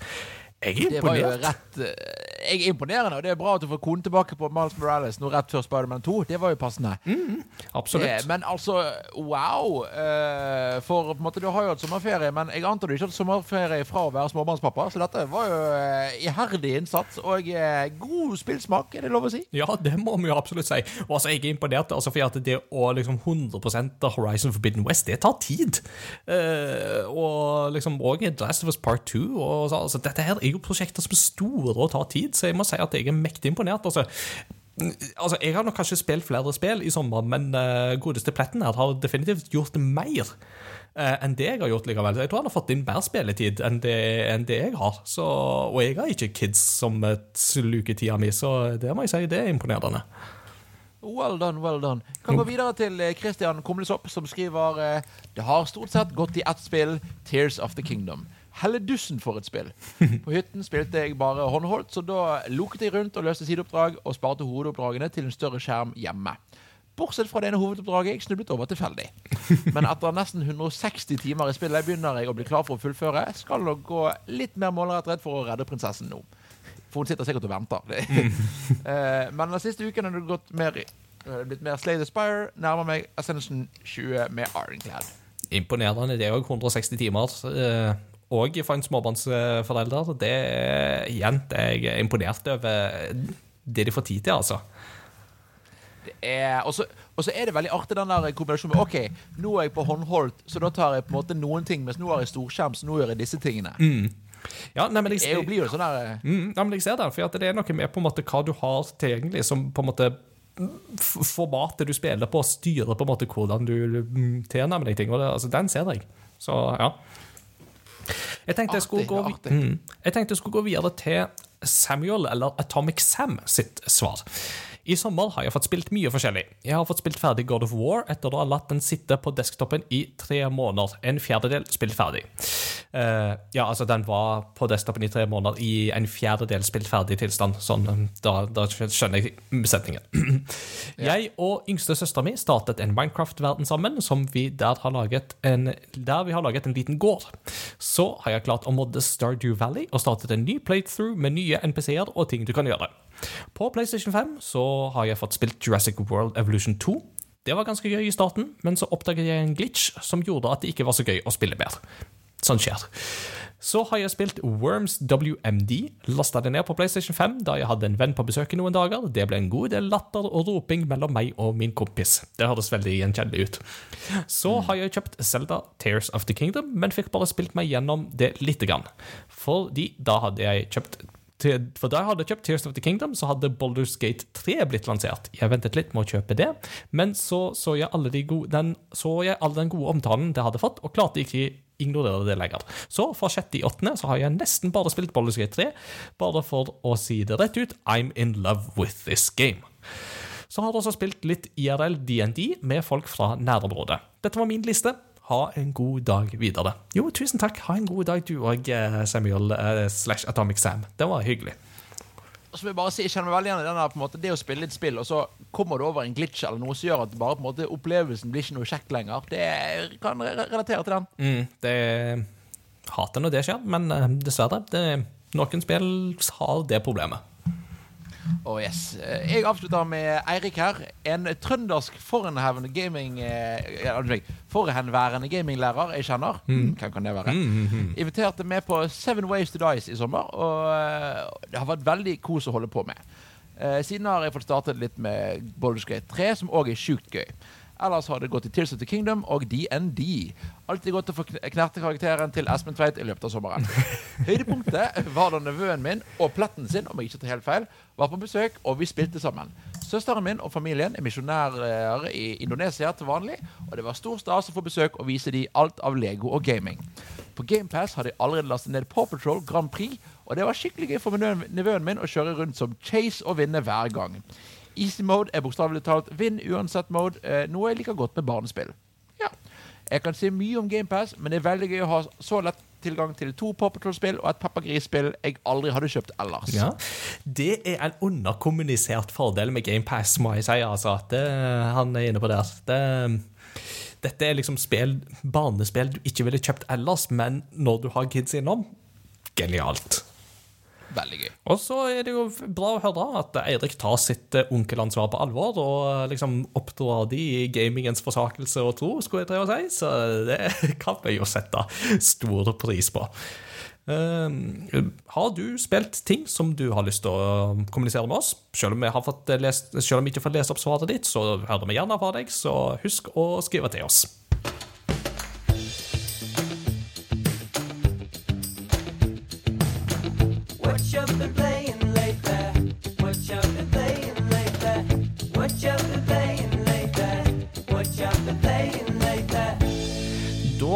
Jon Edvard, har vi jo hørt fra lytterne hva de har spilt. Men uh, det har jo vært en lang gamingsommer, og da er jeg litt interessert i å høre hva du har spilt i sommer. Ja, det har blitt en, en lang sommer med litt gaming. Ikke så mye som jeg skulle ha likt. Det har blitt litt på slutten, og litt i begynnelsen og litt innimellom. Men jeg, eh, jeg tenkte jeg kunne begynne med liksom den mest, mest sånn tilfeldige. Eh, Bridge Constructor til Switch. Huh. OK. Eh, eh, vi satt, eh, meg og noen venner hadde leid en Airbnb i Stavanger og satt der og skulle finne på noe. Så blar han igjennom, for jeg har alltid med, med meg Switchen og dokken på tur. Og så eh, blar han den katalogen, og så Hva er dette Bridge Builder-greia? Eller Bridge Simulator? Eller Constructor? Og så, Nei, det er sånn byggespill. Og han skulle spille det i et kvarter. Vi endte opp med å bruke flere timer flere kvelder på rad med å sende rundt kontrollen. Og mens vi hørte på musikk, og mens vi så på film. Og på en måte, det, bare, det bare ble en del av stuen. Du, du, du vet, vår besteforeldregenerasjon de spilte bridge. Vi spiller også bridge. Constructor. Yes. Så det, så det har jeg spilt, så det var eh, artig. Jeg har òg prøvd meg på, eh, rett før sommeren her, eh, Crash Team Rumble. OK, ja, dette her er det nye Crash Ja, altså hva er det egentlig? Altså, Det ser ut som en sånn der uh, free for all ja, Altså ikke beat them up, men uh, sånn, sånn der eh, Det som jeg liker å kalle for en møljespill. Uh, at du holdt på å si, havner i en slags moshpit eller et eller annet sånt. Altså, what is this thing? Ja, Kanonball-Moba Vet ikke hva uh, Det er et spill som er veldig Jo mer jeg forklarer det, jo kjedeligere høres ut som. Men det var ikke så gale som man skulle tro. Det er da du spiller som de forskjellige karakterene i Crash Bandicoot-verdenen. Og man spiller online i lag på fire. Ok. Eh, Dette er da det første Crash-spillet som er kun online. Eh, eh, Om det er en god ting eller ikke, det får vi komme tilbake til. Mm. men også har du da Du skal samle Wompa Fruit, så er det disse her eple eller ferskene som er i Crash-verdenen. Og da, du skal da slenge det inn i motstanderen sitt mål før de slenger nok eh, Wompa i dine mål. Og så har du forskjellige måter for combat for å stoppe de andre. Men det er egentlig det. Ja, OK. Så det er på en måte eh, sportsspill. Det er med selvfølgelig Du har uka-uka-masker, du kan kaste bomber på hverandre, du kan eh, spinne hverandre vekk, og alt det innebærer. Og det er Jeg har spilt en del eh, både alene med min fetter, eh, og det er det er en gøy del av et spill, men det er et veldig tomt spill. OK. Ja. Eh, Vil du utdype det noe? Absolutt. Det er, det er, jeg, det er veldig, jeg syns gameplay-loopen fungerer. Det er veldig kjekt, og kampene og alle systemene på en måte fungerer uh, over gjennomsnittet bra. Men når du har spilt fem kamper, så har du på en måte nådd si, metningen på gameplayet, og da er det liksom å bli bare å spille det samme om igjen om igjen. For det er ikke, noe, det er ikke sånn Du har ikke en 5 med 5, 4 med 4 eller en spesiell Du har ikke noen spesielle modes. Mm. Du har bare spill spillet, og that's it. Mm. Uh, og det er på en måte et spill som jeg kan synes er kjekt med venner i korte omganger, men ganske mange spill er kjekt med venner uten nødvendigvis være verdt, uh, si, være verdt tiden din. Mm. Ikke sant? Så det er, det er helt greit. Ikke noe jeg vil bruke penger på. Nei. Eh, men apropos det, Eh. er det kjøp, eller er det free to play, eller er det Det er òg problemet. Det er kjøp. Det er kjøp, ja, Eh, faktisk. Det er, ikke, det er ikke free to play. Hmm. Eh, jeg, så, jeg må jo si jeg var så heldig at jeg fikk en anmelderkode kode av Activision eh, til å prøve det ut. Eh, og jeg, jeg, selv jeg som ihuga Crash-fan var ikke sikker på om jeg ville kjøpt det hvis jeg ikke hadde fått kode. Eh, og jeg vil nok ikke anbefale det hvis ikke, du, hvis ikke du kjenner at dette virket veldig interessant, så vil jeg ikke anbefale noen andre å prøve det heller. Mm. Når det er sagt, så har de hatt litt sånn gratishelger her og der, så følg litt med på det. Mm. Og så håper jeg det kommer noe her. Det kommer type en gratismodus, eller kanskje de om et år gjør det gratis, hvis det er tidsnok. Men så det er liksom Det er litt bittersøtt, for jeg føler dette kan nok være det som gjør at Crash går tilbake i dvale, og det syns jeg er trist. Ja, det, det, og det vil vi jo ikke. Altså, særlig etter det eminente Crash Bandicoot 4, så vil vi jo ha mer, eh, og ikke mindre. Og det er så trist, er at dette er jo kommer fra Crash 4-utvikleren. Mm, Toys for Eh, Bob. Toys for Bob. Og da blir det litt sånn Oi ehm, Blir usikker på fremtiden, da, for å bruke det uttrykket. Mm. Ja, Vi får bare håpe at eh, Activision fortsetter å gi dem noen sjanser, og at de kan finne tilbake til, form, til formen. Absolutt. Og så har jeg slitt med det jeg vil kalle for Switch-syken. OK? Eh, og det er fordi at eh, jeg, har- jeg er en sånn eh, hvis, hvis jeg kunne hatt alle spillene mine på Switch, så hadde jeg hatt det. For da, jeg da kunne jeg hatt med meg overalt. Ja. Og så er det en del spill som type kommer ut seinere på Switch. Mm. Eh, som er da sånn Skal jeg kjøpe det en gang til? Det er noen spill jeg har kjøpt på nytt, og noen har kjøpt på nytt og aldri spilt, men jeg føler jeg må ha de. Og et av de spillene jeg satt og vurderte på, det var Dragon Ball Z Kakarot. ja. Det kom jo til eh, PlayStation i 2020, og jeg spilte det der og da, og følte at åh, skal jeg kjøpe det på Switch? Er det på tilbud? Nei, å, kanskje jeg skal. Men så klarte jeg å innse at hallo, nå har jeg en uke, jeg er hjemme, jeg spiller det på PlayStation min, og har kost meg med å spille det på PlayStation, og fant ut at jeg trenger ikke det på Switch. Nei, nei men den, den, den ser jeg. Det var jeg faktisk i Sverige og testa før det var eh, lansert, så det, var, det er sånn en Ja. artig opplevelse jeg har med det spillet. Det er jo et, eh, et spill som på en måte altså det, for, eh, Dagen vi spiller inn, så får det faktisk ut sin, sin nyeste DLC-pakke. Ja. Eh, så det lever fortsatt, og det er jo Ja, det er ikke mitt favoritt-Dragon Ball-spill, men jeg syns det er kjekt at det fungerer for mange. Det er ja, det er greit nok, syns jeg. i hvert fall da. Vis, visste du det, Jon Edvard, at hvis du spiller det på PC, vet du hvor mange frames per second du kan få på det spillet? Oi, nei, nå er jeg spent. It's over 9000! Den skulle jeg ha tatt! Den skulle jeg ha tatt! Ai, ai, ai. Urutinert av meg. Sånn, beklager. Det, eh, det var dagens eh, meme-øyeblikk. Da har jeg fått den ut av systemet. Eh, Du får ikke 9000 frames i sekundet i det spillet. Det var bare tull. Det var bare ja, det, det, Crossover Gaming eh, baserer seg ikke på realiteten. Ja. Eh, Vi vandrer i tro og ikke beskuelse. Så har jeg ett spill jeg vil snakke om med deg om, men jeg venter litt. Men jeg vil snakke med deg om Disney, eh, Disney Illusion Island. Ja, det, det kan vi jo gjerne snakke litt om. For det er et spill som vi har spilt begge to. eh, ser deg her nå. Jeg var heldig nok til å få anmelde det for Game Reactor. Um, og dette var jo et av de spillene som jo ga meg den der eh, interessen for at vi måtte snakke litt om Disney-spillet generelt før sommeren. Fordi dette var et sånt spill som var på vei til Switch, og som jeg tenkte at dette ser jo faktisk veldig lovende ut. I- Veldig mange kan jo fått få litt inntrykk av at dette kan være litt sånn Rayman-inspirert opplegg. altså Nærmere bestemt Rayman Origin og Rayman Legends. fordi at det, du har dette her med fire spillerfokus, og du har plattforming og den slags. Eh, Men i realiteten så ligger jo dette nærmere en Metroidvania, som eh, Ori and the Will of the Wisps, for eksempel, eller eh, Metroid Dread og Guacamelei. Og jeg må si at jeg koste meg veldig med dette spillet her, altså. Jeg kan jo trekke fram noe av det som jeg likte veldig godt med dette. her. Um, det er et veldig nybegynnervennlig Metroidvania, og det liker jeg veldig godt. Altså, jeg tør påstå jeg er relativt dreven i sjangeren, men jeg vet samtidig at det er en sjanger som er veldig vanskelig å komme inn i, for det kan virke så overveldende. Eh, dette her kunne fort hatt, liksom, hatt under, undertittelen 'Mitt første Metroidvania'. Eh, både fordi at det, det er på en måte relativt lett å ta seg fram i det, men òg det at du har denne muligheten til å justere hvor mye liv du skal ha. Altså Alt ifra på en måte at ett hit tar deg, til at du kan ha uendelig med liv hvis du gir folk et steinhjerte. Ja. Ja, og dette er òg et spill hvor det kan være opptil fire, eh, fire spillere multiplayer, og da kan hver spiller individuelt velge hvor mye eller hvor lite liv de skal ha. Mm, og det òg er jo alltid en, en bonus. At du, altså, det at du setter et handikap for deg sjøl, betyr ikke at du må påføre det på andre. Så det tenker jeg er jo en, en veldig god ting.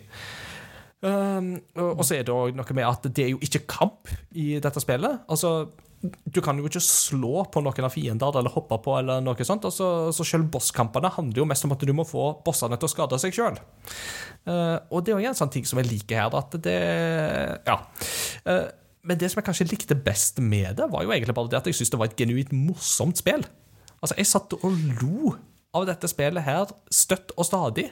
Eh, alt ifra For at de har jo stemmeskuespillerne med seg på dette her, og de leverer varene. Altså. Det var sånn, Hver filmsekvens jeg fikk, så var det bare sånn Jeg vil ha mer av dette! For det var så eh, underholdende. Men hva tenker du som uh, hardbarka Disney-fan og stemmeskuespiller? Ja, Som Disney-fan og stemmeskuespiller så må jeg si at dette var, dette var en hyggelig opplevelse.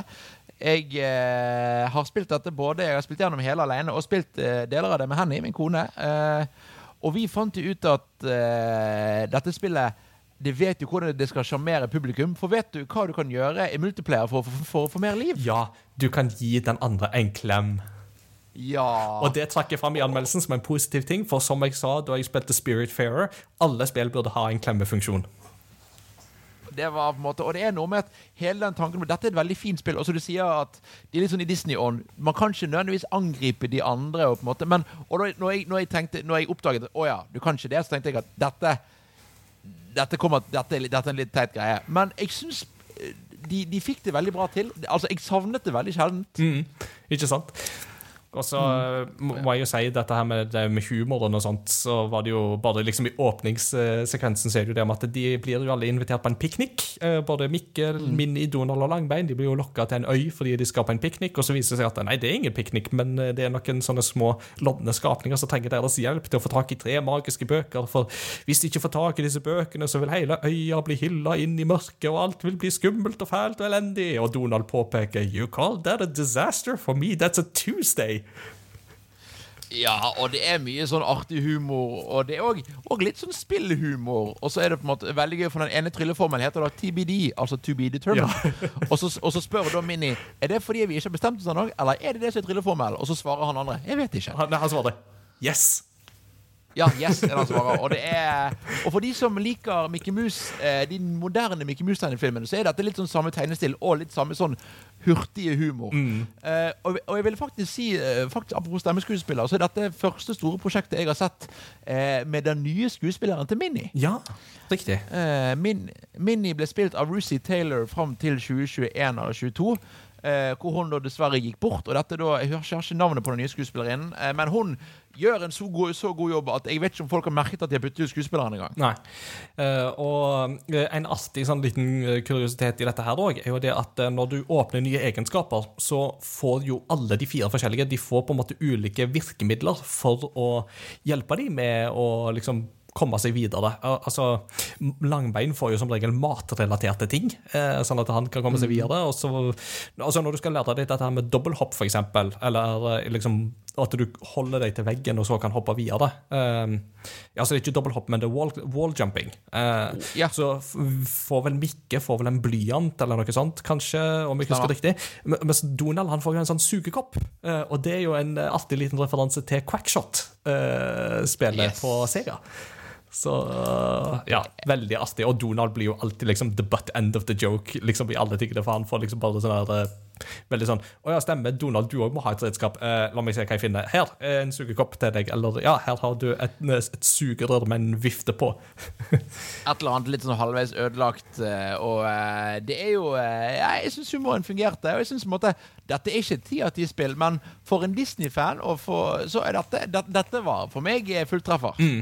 Eh, Jeg, må, jeg tenker at dette er et veldig bra spill hvis du tar det for det det er. Eh, og, og som sagt, altså det, det, det, det pusher ikke Metroidvania-sjangeren i noen nevneverdig grad. Det finnes absolutt eh, Metroidvania-spill som er bedre, uh, og alt sånt. men hvis du vil ha en flerspilleropplevelse, og da gjerne med noen som ikke er vant med den sjangeren fra før, uh, så tenker jeg at dette her er top notch. altså. Og musikken òg var jo en sånn fin overraskelse med litt sånne fine trudelutter og litt sånne bakgrunnsanimasjoner. Jeg liker jo alle disse postkassene, for eksempel, som du jo låser opp som sånne lagringspunkt. De ser jo ut som noe som kunne vært snytt ut av en av disse her 30-talls, 40-talls kortfilmene, liksom. Ja, og så er det også på en måte veldig gøy, for de har jo da, sånn som i Disney-filmer, så har du da hidden Mickeys. Du, altså du kan finne eh, ting på veggen som ser ut som hodet til Mickey Mouse, og hopper du foran de og trykker på A-knappen, så får du poeng fordi at Ei, du, han her ser ut som Mickey. Eh, og det er mye sånne småmekanikker i sving som jeg eh, var veldig fan av. Absolutt. Absolutt. Eh, men uh, jeg har ikke så mer å bringe til Disney-bordet. Um, de som for øvrig vil ha en anmeldelse, kan sjekke min anmeldelse på gamerector.no. Så vet dere det. Uh, men jeg ser du har et spill til på lista, eh, Jon Edvard.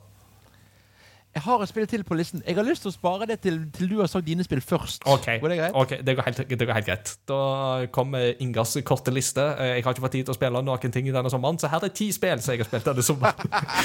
det er rart det der hvordan ting hoper seg opp når det plutselig Ja. Jeg hører Peter er oppgitt. ja. Jeg er for inngang kort.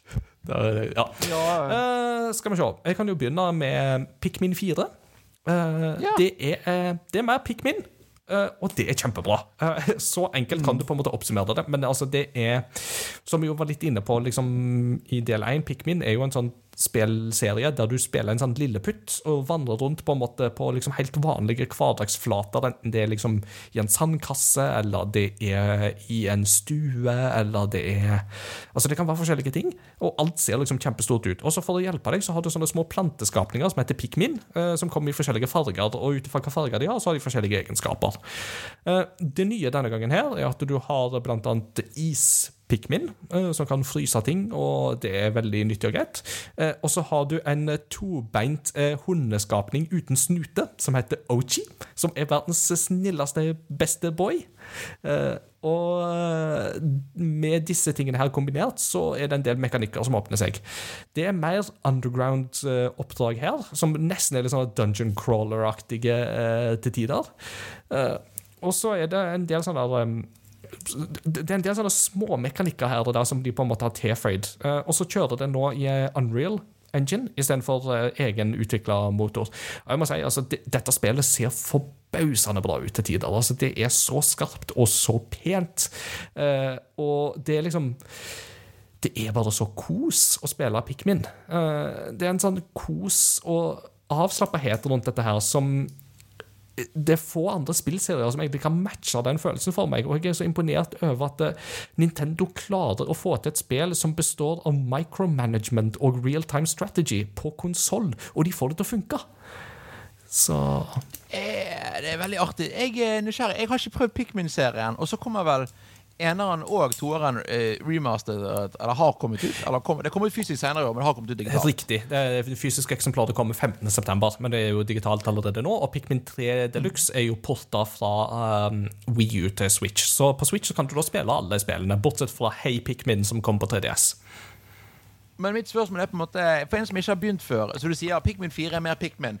Betyr det at er det helt greit å begynne på eneren, eller kunne jeg begynt med fireren? Hva, hva tenker du der? Jeg tenker at fireren er veldig, altså veldig nybegynnervennlig, eh, og introduserer deg veldig for mekanikkene på en veldig fin og grei måte. Det er litt mye opplæring til å begynne med, men det gjør jo til at det er lettere for nybegynnere å sette seg inn i dette her.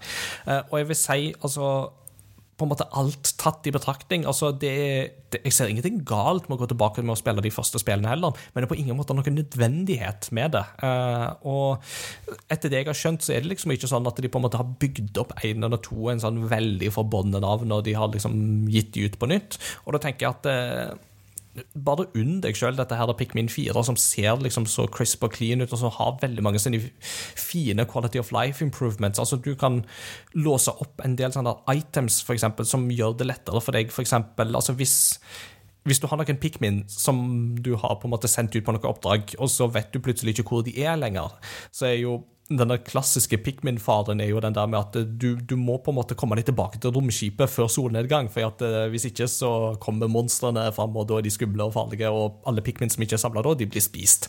Eh, og det ser du at de blir, og det er alltid sånn Nei! Eh, Men eh, her kan du da eksempel etter hvert låse opp et sånt verktøy som du enten kan få Pikminene til å komme til deg. Uansett hvor du er. Eller så kan du bruke sånn, eh, et sånt signal for å liksom gå tilbake til skipet og vente på meg der. Det er sånne små improvements som gjør veldig mye bra for uh, spillopplevelsen. Uten at du må bruke noen av de, så er det veldig nyttig og greit. Og så er jo dette her er jo stort. altså Det er et mye større spill enn det du skulle tro. uh, så du får veldig mye Pikmin for pengene. Og så er det nydelig musikk og presentasjon og sånt. Så ja, dette er absolutt en uh, det vil nok ikke nå til topps i en Game of the Year-konkurranse, men det vil definitivt bli snakka om når uh, vi skal komme tilbake til det på slutten av året, tror jeg. Spennende, spennende, spennende. Uh, videre. Uh, sist gang så snakket jeg litt om Street Fighter 6. Det har jeg blitt ferdig med. Uh, Iallfall liksom den der World Tour-modusen, som er jo liksom det store trekkeplasteret der du går rundt i en sånn tredimensjonal verden og slåss med forskjellige fightere med din egen laga rollefigur. Uh, altså, historien er jo banal og simpel og alt sånt, men det var overraskende gøy å spille gjennom likevel, altså. Og jeg må si at Street Fighter 6 har gjort mye riktig, både for å catere til gamle fans og for å få nye spillere inn i dette her. Så jeg må si jeg er mektig imponert over det Capcom har fått til her. Til tross for enkelte små grafiske svakheter her og der, så er det likevel Dette er bunnsolide greier, altså, og det er så gøy. Og pick up and play-faktoren er absolutt til stede. Så varm anbefaling fra meg med Street Fighter 6. Det var kjempegøy. Kult. Mm. Så uh, har jeg um, pusla videre med dette her prosjektet Ingar skal spille norske spill i 2023. Eh, og litt av grunnen til at jeg begynte på det prosjektet i sin tid, var jo det at eh, vi visste at Tesla Grad 2 skulle slippes i 2023 en gang. Så fikk vi en sånn Indie World Direct-sending i regi av Nintendo i april. Og så kom Bergen Studio Rain Games eh, inn, og så sa de hei, vi har laga Tesla Grad 2, og det er ute nå. Og da sa han yay, det var gøy, men jeg har ikke tid til å spille det nå, for nå skal jeg sitte og anmelde Tears of the Kingdom, og så etter det så kom eksamenssesongen, og så brakk jeg hånda, og så fikk jeg andre spill som jeg skulle spille. Så det tok meg jo fire, en god stund før jeg kom så langt at jeg kunne spille Tesla Grad 2. Eh, Men i den oppvarmingsprosessen der så spilte jeg jo først Tesla Grad Remaster, som de jo slapp samme dag. Og så har jeg spilt World to the West, som er et annet spill de har laga som er satt i samme verden. Eh, og det har jo en litt annen stil. Det minner liksom litt om sånne Link to the Past og litt sånne ting. Men jeg må innrømme at det spillet falt jeg ikke for. Um, og litt hovedårsaken til det er at du spiller fire rollefigurer. Uh, og du kan ikke bare bytte mellom dem når som helst. Uh, For du har liksom sånne lagringspunkt rundt omkring, så du må liksom gå fra plass til plass for disse lagringspunktene, og der kan du bytte mellom rollefigurene. Men rollefigur A kan kun teleportere seg til lagringspunkt der han har gått fra før. Så du kan ikke gå med rollefigur B til et nytt lagringspunkt og så hente rollefigur A dit. Nei, altså rollefigur A må gå tilbake etterpå, så i praksis så spiller du samme greiene fire ganger. Og det var en sånn mekanikk som jeg bare kjente at det, det holdt ikke mål for meg, altså. Det ble for langdrygt og kjedelig og alt, så jeg måtte dessverre hoppe av det underveis. Men Tesla Grad 2 er derimot veldig, veldig bra.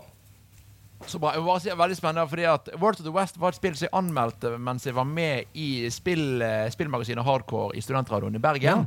Eh, og det er jo interessant for spill. Vi hadde jo da blant annet besøk av Rain Games. Eh, og jeg satt litt med samme opplevelse som du hadde. Og den følelsen av å sitte og anmelde et spill og ikke være fornøyd Og så vet du, de som anmelder, sitter ca. 20 minutter den veien. det husker jeg. Det var, en, det, var, det var en sånn egen følelse. Men det gikk jo veldig Ja, greit. Eh, men, det, men, jeg er nå litt der at World of the West var nok dessverre ikke det som levde helt opp. Men noe som nødvendigvis har levd opp, tydeligvis, det er jo da Tesla Grad 2. Mm, ja, det har det. Og, og det skal sies, altså, jeg liker veldig godt det Rain Games gjør med denne verdenen. ikke sant? Med at de lager forskjellige altså, ting er satt til samme verden, men det er vidt forskjellige typer spill. Eh, og det syns jeg er veldig gøy, at du får noen spillopplevelser som er på en måte De, de tør å prøve noe nytt. Det liker jeg veldig godt. Eh, men Tesla Grad 2 det er jo mer i samme retning som Tesla Grad 1. Men det som er gøy, er at jeg føler at det, her virker det som at Rain Games har på en måte tatt alle de tingene jeg ikke likte med Tesla Grad 1, og fiksa på de. Uh, altså, du har bedre kontrollsystem, du har et vesentlig bedre kart. Eh, kanskje for første gang i noen av spillene de har laga. Altså, World to the West sitt kart var bedre, men fortsatt ikke godt nok i min bok. Uh, her er det mye bedre. Du har evner og egenskaper som er mye gøyere. Utforskinga er liksom mye mer fast-paced og artig. Uh, Litt på bekostning da av at det er litt færre gåter, fordi at fokuset er mer på en måte på den der explorationen, mer enn på en måte selve gåteløsninga. Altså, du kan si flyten i manøvreringa. Det er liksom det som er litt sånn opplevelsen her i Tesla Grad 2. Uh, men jeg liker det veldig godt. Um, estetikken er veldig gøy. Uh, det er jo um, Hovedrollefiguren her er jo Hun er jo i slekt med hovedpersonen i Tesla Grad 1. Uh, om det er datter Ja. eller barnebarn, det vites ikke. Jeg vil tippe kanskje det er datter. Eh, men altså, hun er på vei hjem eh, til liksom, Tesla-gradbyen etter begivenhetene i World of the West i et luftskip, og så blir det luftskipet angrepet av luftvikinger. Eh, så da styrter hun i deres område, og så må hun liksom komme seg eh, videre derfra. Så her er det på en måte mye sånn vikingtematikk og litt sånn, og, og det kunne liksom blitt et sånn nok et norsk spill med vikinger-opplegg, men de klarer å gjøre det til sin greie, som med å liksom blande litt sånn der luftpirat-opplegg inn i dette her, og så er det jo litt sånn det underjordiske, så har du hele den der Tesla-punk-feelingen som jo dere spiller er kjent for. Og så kombinerer du dette med nydelig musikk fra Bear and Cat, um, blant annet med eh, et hovedtema, Draumeslør, som er sunget av Marianne Juvik Sebø. Eh, Som jo Oh, yes. ikke er en hvem som helst i eh, vestlandssammenheng.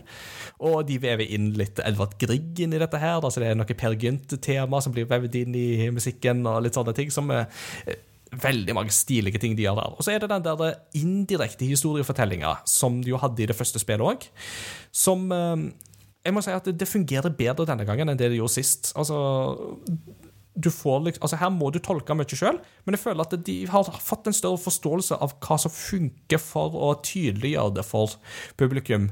Og så er det litt opp til deg sjøl, da. Men én fordel er at det er litt sånn beskjeder rundt omkring som er skrevet på runer. Eh, Og når du begynner å dekode disse runene, så skjønner du etter hvert at dette er skrevet på norsk. Eh, altså med moderne norsk, det er bare med runeskrift. Eh, Oi, så hvis gøy. du liksom klarer å skjønne liksom hva de forskjellige runene står for, så klarer du å begynne å lese hva, de, hva som står der. Og det er veldig, veldig artig, syns jeg. Artig, artig. Eh, samme spørsmål med Tesla Grad. Er det et spill hvor du vil anbefale å gå rett på toeren, eller vil, man- vil du prøve eneren først, eller? Uh? Jeg ville nok prøvd einen først her. Uh, det ville jeg nok. Uh, einen er fortsatt et bra spill, det òg. selv om jeg syns det hadde noen mangler, så vet jeg at det veldig mange liker det bedre enn det jeg gjorde. Så jeg vil absolutt anbefale det første spillet. Uh, og så vil jeg jo da ikke nødvendigvis anbefale World to the West, med mindre du er veldig liksom, interessert i å på en måte få med deg alt som denne settingen har å by på. Eh, og så har du jo Mesmer, som er et spill de har laga, som jeg ikke har testa i dette her.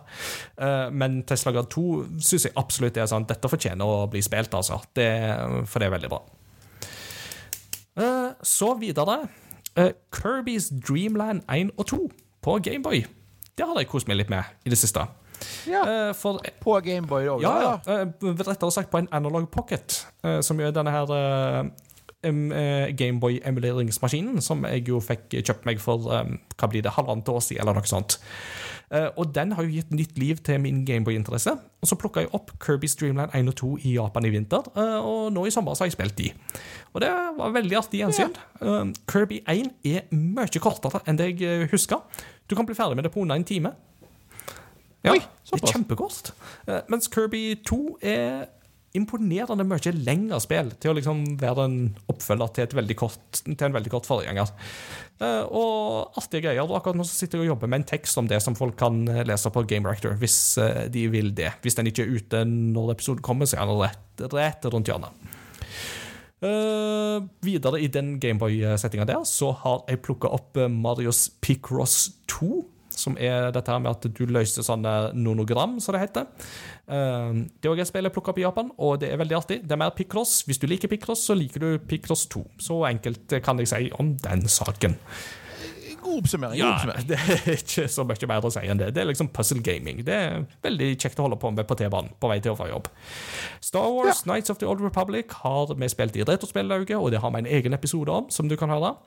Eh, Men til slutt så vil jeg snakke om Xenoblade Chronicles 3, som jeg nå har plukka opp yeah. igjen denne sommeren. Og det er jo et spill som jeg jeg sa jo da vi skulle oppsummere spillåret 2022 at dette her er på min topp tre, selv om jeg ikke er ferdig med det spillet. Eh, og nå når jeg spiller videre på det spillet, så rettferdiggjøres absolutt den påstanden. Eh, dette er et fabelaktig japansk rollespill. Eh, og på spørsmålet må du ha spilt Xenoblade Chronicles 1 og 2 for å spille Chronicles 3, nei, det må du ikke. Selv om jeg vil anbefale én, to har jo mine issues med, blant annet character designet og performancen og sånt, men treen gjør så mye riktig, syns jeg. Det er Og bare musikken alene er jo et kapittel for seg sjøl. Altså, det er så utmerka nydelig musikk i dette spillet her, og det er jo sånn når du får på en måte de mest emosjonelle øyeblikkene i dette spillet, her, da er øh, øyekroken ganske blaut, altså. Den øh, Her spilles det på følelser, altså. Og jeg liker det. Så det er veldig veldig underholdende, veldig veldig bra. Og jeg håper på å liksom, kunne fortsette med det og komme i havn øh, i løpet av høsten med dette spillet, for det har, dette har jeg lyst å se til veis ende. Eh, så meget bra spill, for å si det sånn. Yes. Da har du et spill til som jeg skal ta helt til slutt. Vi har et spill som jeg eh, syns er litt vanskelig å snakke om, og det er Breath of Nei, ikke, det er ikke Breath of the Wild, det er Tears of the Kingdom. Ja. For nå har jeg vel Jeg har ikke spilt så mye av det, fordi at det jeg har spilt i Tears of the Kingdom, har jeg ikke klart å bli forelsket i. Nei. Riktig. Eh, og litt av følelsen jeg sitter med, er at dette er jo mer Breath of the Wild mm, med litt andre, eh, litt andre komponenter, men uten at det er ikke en revolusjon. Og det er liksom For meg føles det ut som Breath of the Wild 1,5. Og da mitt, Og jeg har gjerne hva, hva, hva, hva kan jeg ha spilt da? 15-20 timer? Mm. Og mitt spørsmål til da eh, Til da deg, Ingar, er Er det vits for meg å fortsette? Jeg vil jo si ja. Eh, litt fordi at dette her er jo fått foreløpig for meg eh, det beste spillet jeg har spilt i år, vil jeg jo si.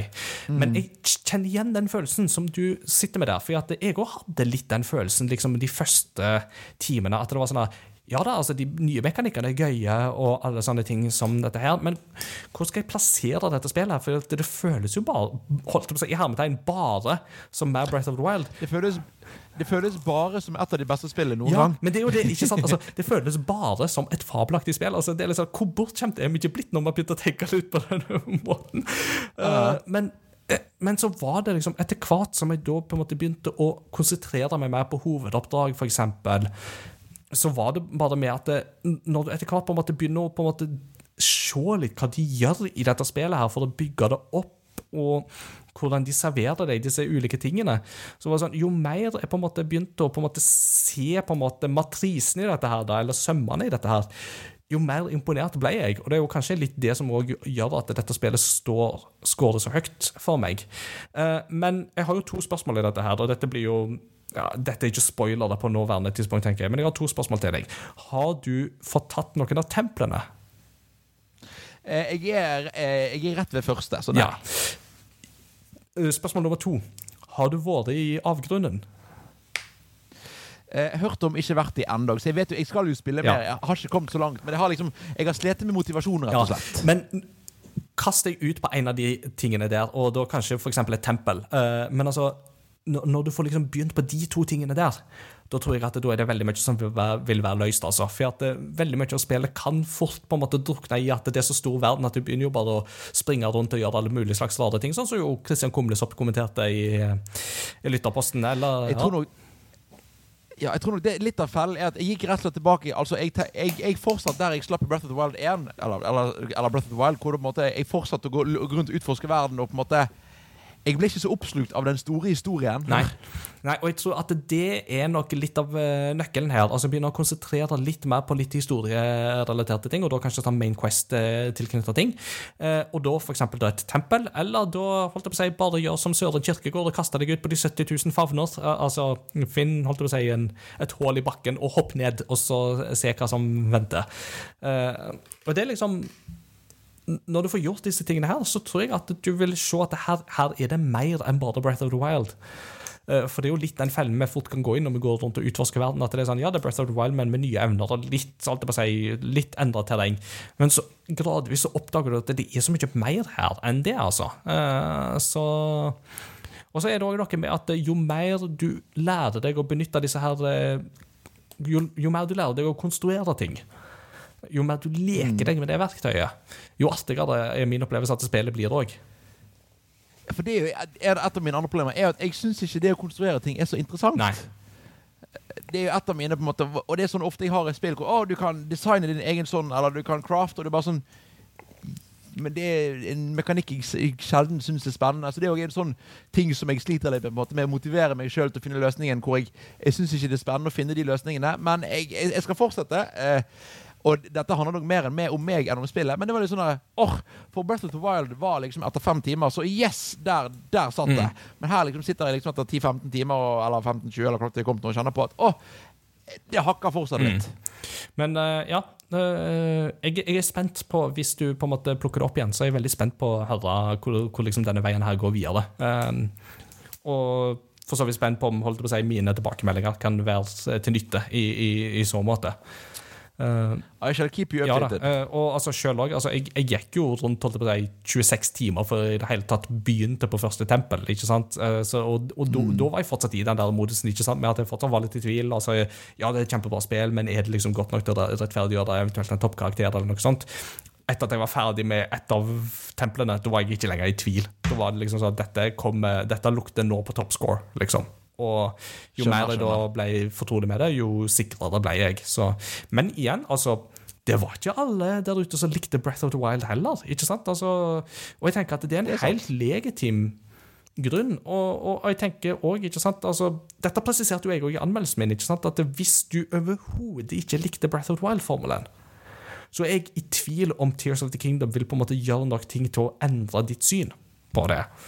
For det kan hende at du bare var så på en måte så imot hva retning det, den serien tok. Eh, og da er det ikke sikkert at Tears of the Kingdom vil hjelpe deg. Men, men der er jo ikke du, da, for du likte jo godt eh, Breath of the Wild. Så Jeg elsket Breath of the Wild. Og det, det var på en måte det som var litt sånn Å nei, hva, hva mangler jeg? Så det liksom prøver jeg liksom for min egen hva, hva er det som har endret seg, eller ikke endret seg? Så det, det blir spennende å finne ut av videre i løpet av høsten. jeg eh, følger med i spenning.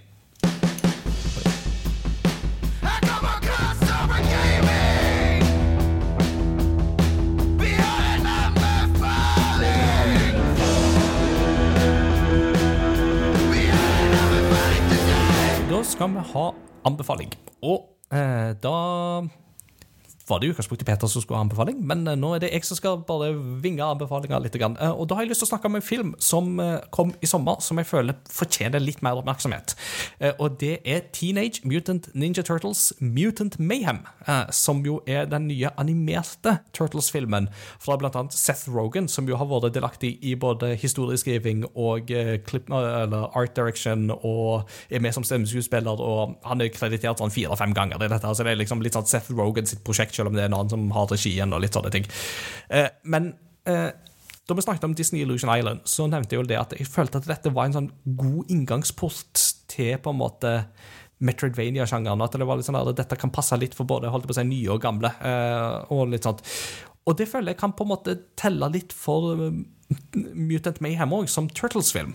Fordi altså, mitt forhold til Turtles da Vi snakket om Turtles for et år siden. Jeg hadde jo en egen episode om det. Og Mitt forhold til Turtles er liksom fortsatt litt sånn som det var da for et år siden. Altså det er, Jeg kan navnet på de fire forskjellige. Jeg vet sånn cirka hvem de ulike rollefigurene og bad guysene er.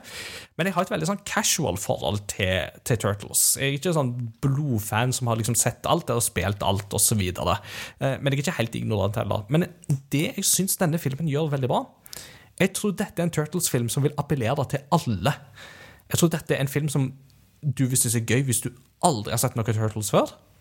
Jeg tror dette er en film som du vil storkose deg med hvis du er gammel Turtles-fan. Og jeg kan bekrefte som en casual fan at den er gøy fra et casual perspektiv. Eh, Så dette er en Turtles-film som er overraskende god, og som jeg hadde det overraskende morsomt med, og som jeg absolutt vil anbefale at folk eh, går og ser. Og bare animasjonsteknikken i denne filmen her er så gøy at den er litt sånn Jeg slenger den liksom litt inn i samme bås som Into the Spider-Verse og Beyond the Spider... Uh, eh, Across the Spider-Verse. Med at uh, selv om den ikke er like der oppe på det nivået, så er dette er på en måte animerte filmer som gjør noe nytt, og som pusher på en måte litt nye grenser og er veldig eksperimentelle. På en måte som jeg liker veldig godt. Eh, Så det har jeg lyst til å kicke inn der, som en anbefaling. It's curiosity. What are you gonna show to me? It's curiosity. What a neat thing to know. It's curiosity. What are you gonna show to me? I haven't even heard of it. What a neat thing to know. It's a great part of the show. Og interessant nok så skal jeg ta en kuriositet òg, jeg, altså. Så er du klar for det, Jon Edvard, eller skal du Jeg, jeg, jeg, jeg er klar for å bli, bli kuriofisert. Kuriofisert, ja, men da skal vi ta en eh, liten kuriofisering. eh, Kuriofisering. Det hørtes jo ikke bra ut. Hvis det, Oi, oi, oi, det ble mye, ble mye prompehumor denne gangen. Det var ikke meninga. Beklager. Jeg beklager. beklager. Nei da, men eh, vi skal ikke inn i den modusen. Vi skal derimot um, Det er jo ikke sånn på en måte sånn megarevolusjonerende kuriositet, men eh, det er en sånn item description i et spill som heter Final Fantasy Tactics A2 Grimoire of the Rift, som jeg syns er litt artig. Um, fordi i dette spillet så er det forskjellige items som du kan ha. Det er jo sånn type sånn tactics-spill, litt sånn Fire Emblem-aktig formel på det. Og et av eh, liksom de tidlige items du kan få til å bruke på dine rollefigurer på, som fottøy, det er det som heter spiked boots. Og hvis du leser eh, itembeskrivelsen her på disse her, så vil du se at these metallic boots eh, with spikes were made for kicking, and that's just what they'll do.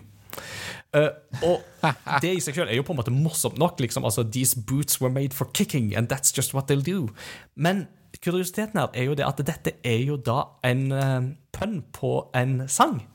Som jo heter These boots were made for walking. We're made for walking. And that's just what they'll do. Og da lurer jeg på, vet du hvem som har den sangen? Uh, husker du det? Åh, brr, det Nei, vet hva, det husker jeg faktisk ikke. Nei, det er ikke så rart. Altså, nå skal vi jo langt tilbake i tid, vi skal jo til 60-70-tallet. Men det er da Nancy Sinatra, altså dattera til Frank Sinatra, eh, som jo òg Ja. hadde temalåten til James Bond-filmen You Only Live Twice. You Only Live Twice. Men det, en av hennes andre kjente sanger er jo da sangen These boots were made for walking, and that's just what they'll do. Someday these boots are gonna walk all over you. Uh, og det er jo da det disse spiked eh, boots eh, refererer til, når de sier These boots were made for kicking, and that's just what they'll do. Så da er spørsmålet finnes det et cover av denne sangen med den teksten. Det var jo Jeg ut av. håper jo at det fins et eller annet sted. Altså, um, Someday these boots are gonna kick all over you. Det, det er et tekst som burde vente på å få sin egen versjon, tenker jeg. Herlig. Og da er vi ved veis ende ved episoden, og da er det et postludium som skal tone oss ut. Og Jon Edvard, hva har du funnet til oss denne gangen? Jo, du, jeg har funnet et av mine favorittspor fra en av mine favorittspillserier. Eh, har, er du kjent med komponisten Peter McConnell? Ja, eh, da snakker vi jo Psychonauts, og vi snakker Grim Fandango, og vi snakker egentlig så å si alt som Double Fine har vært involvert i, egentlig. Double, Double Fine og mye, mye, mye tidlig Lucas Mm. Arts. Mm. men han har òg komponert, soundtracket for Sly Cooper. Å ja! Eh, og han komponerte da sp sp sp eh, spillmusikken til Sly Cooper 2, 3 og 4. Og for fireren så tok de og eh, spilte inn litt av disse låtene live. Så det du nå skal da få høre, er basically da uh, hovedtemaet til, til Sly Cooper. Her uh, spilt i eh, Spilt live til Sly Cooper 4. Vi skal høre 'Paris by Rooftop'. skal vi da høre etterpå. Oh, sweet. Eh, jeg må innrømme at det er, det er en del av McConnells uh, repertoar som jeg ikke har hørt på, men eh, det gleder jeg meg til å høre eh, når vi kommer så langt. Artig, artig. Ja, da er vi i gang for eh, høsten. Dette blir en uh, gøyal spillhøst, eh, kjenner jeg, og det blir godt å ha noen sånne debrifingspunkt nå og da. Og hvem vet hva slags nyheter som plutselig popper opp av både positiv og negativ art. Kanskje Switch 2 lanseres i oktober. Kanskje PlayStation 5 Slim viser seg å være PlayStation 6. Kanskje Microsoft og Sony slår seg sammen for å knuse Nintendo. Følg med, følg med! Hvem vet? Kanskje Sverige kjøper Microsoft? Eh, Ja, hvem vet? Det blir spennende å se. Men vi skal iallfall lede deg gjennom denne spillhøsten, sånn som vi har gjort de siste årene. Vi snakkes ved neste korsvei. Ha det bra! Ha det!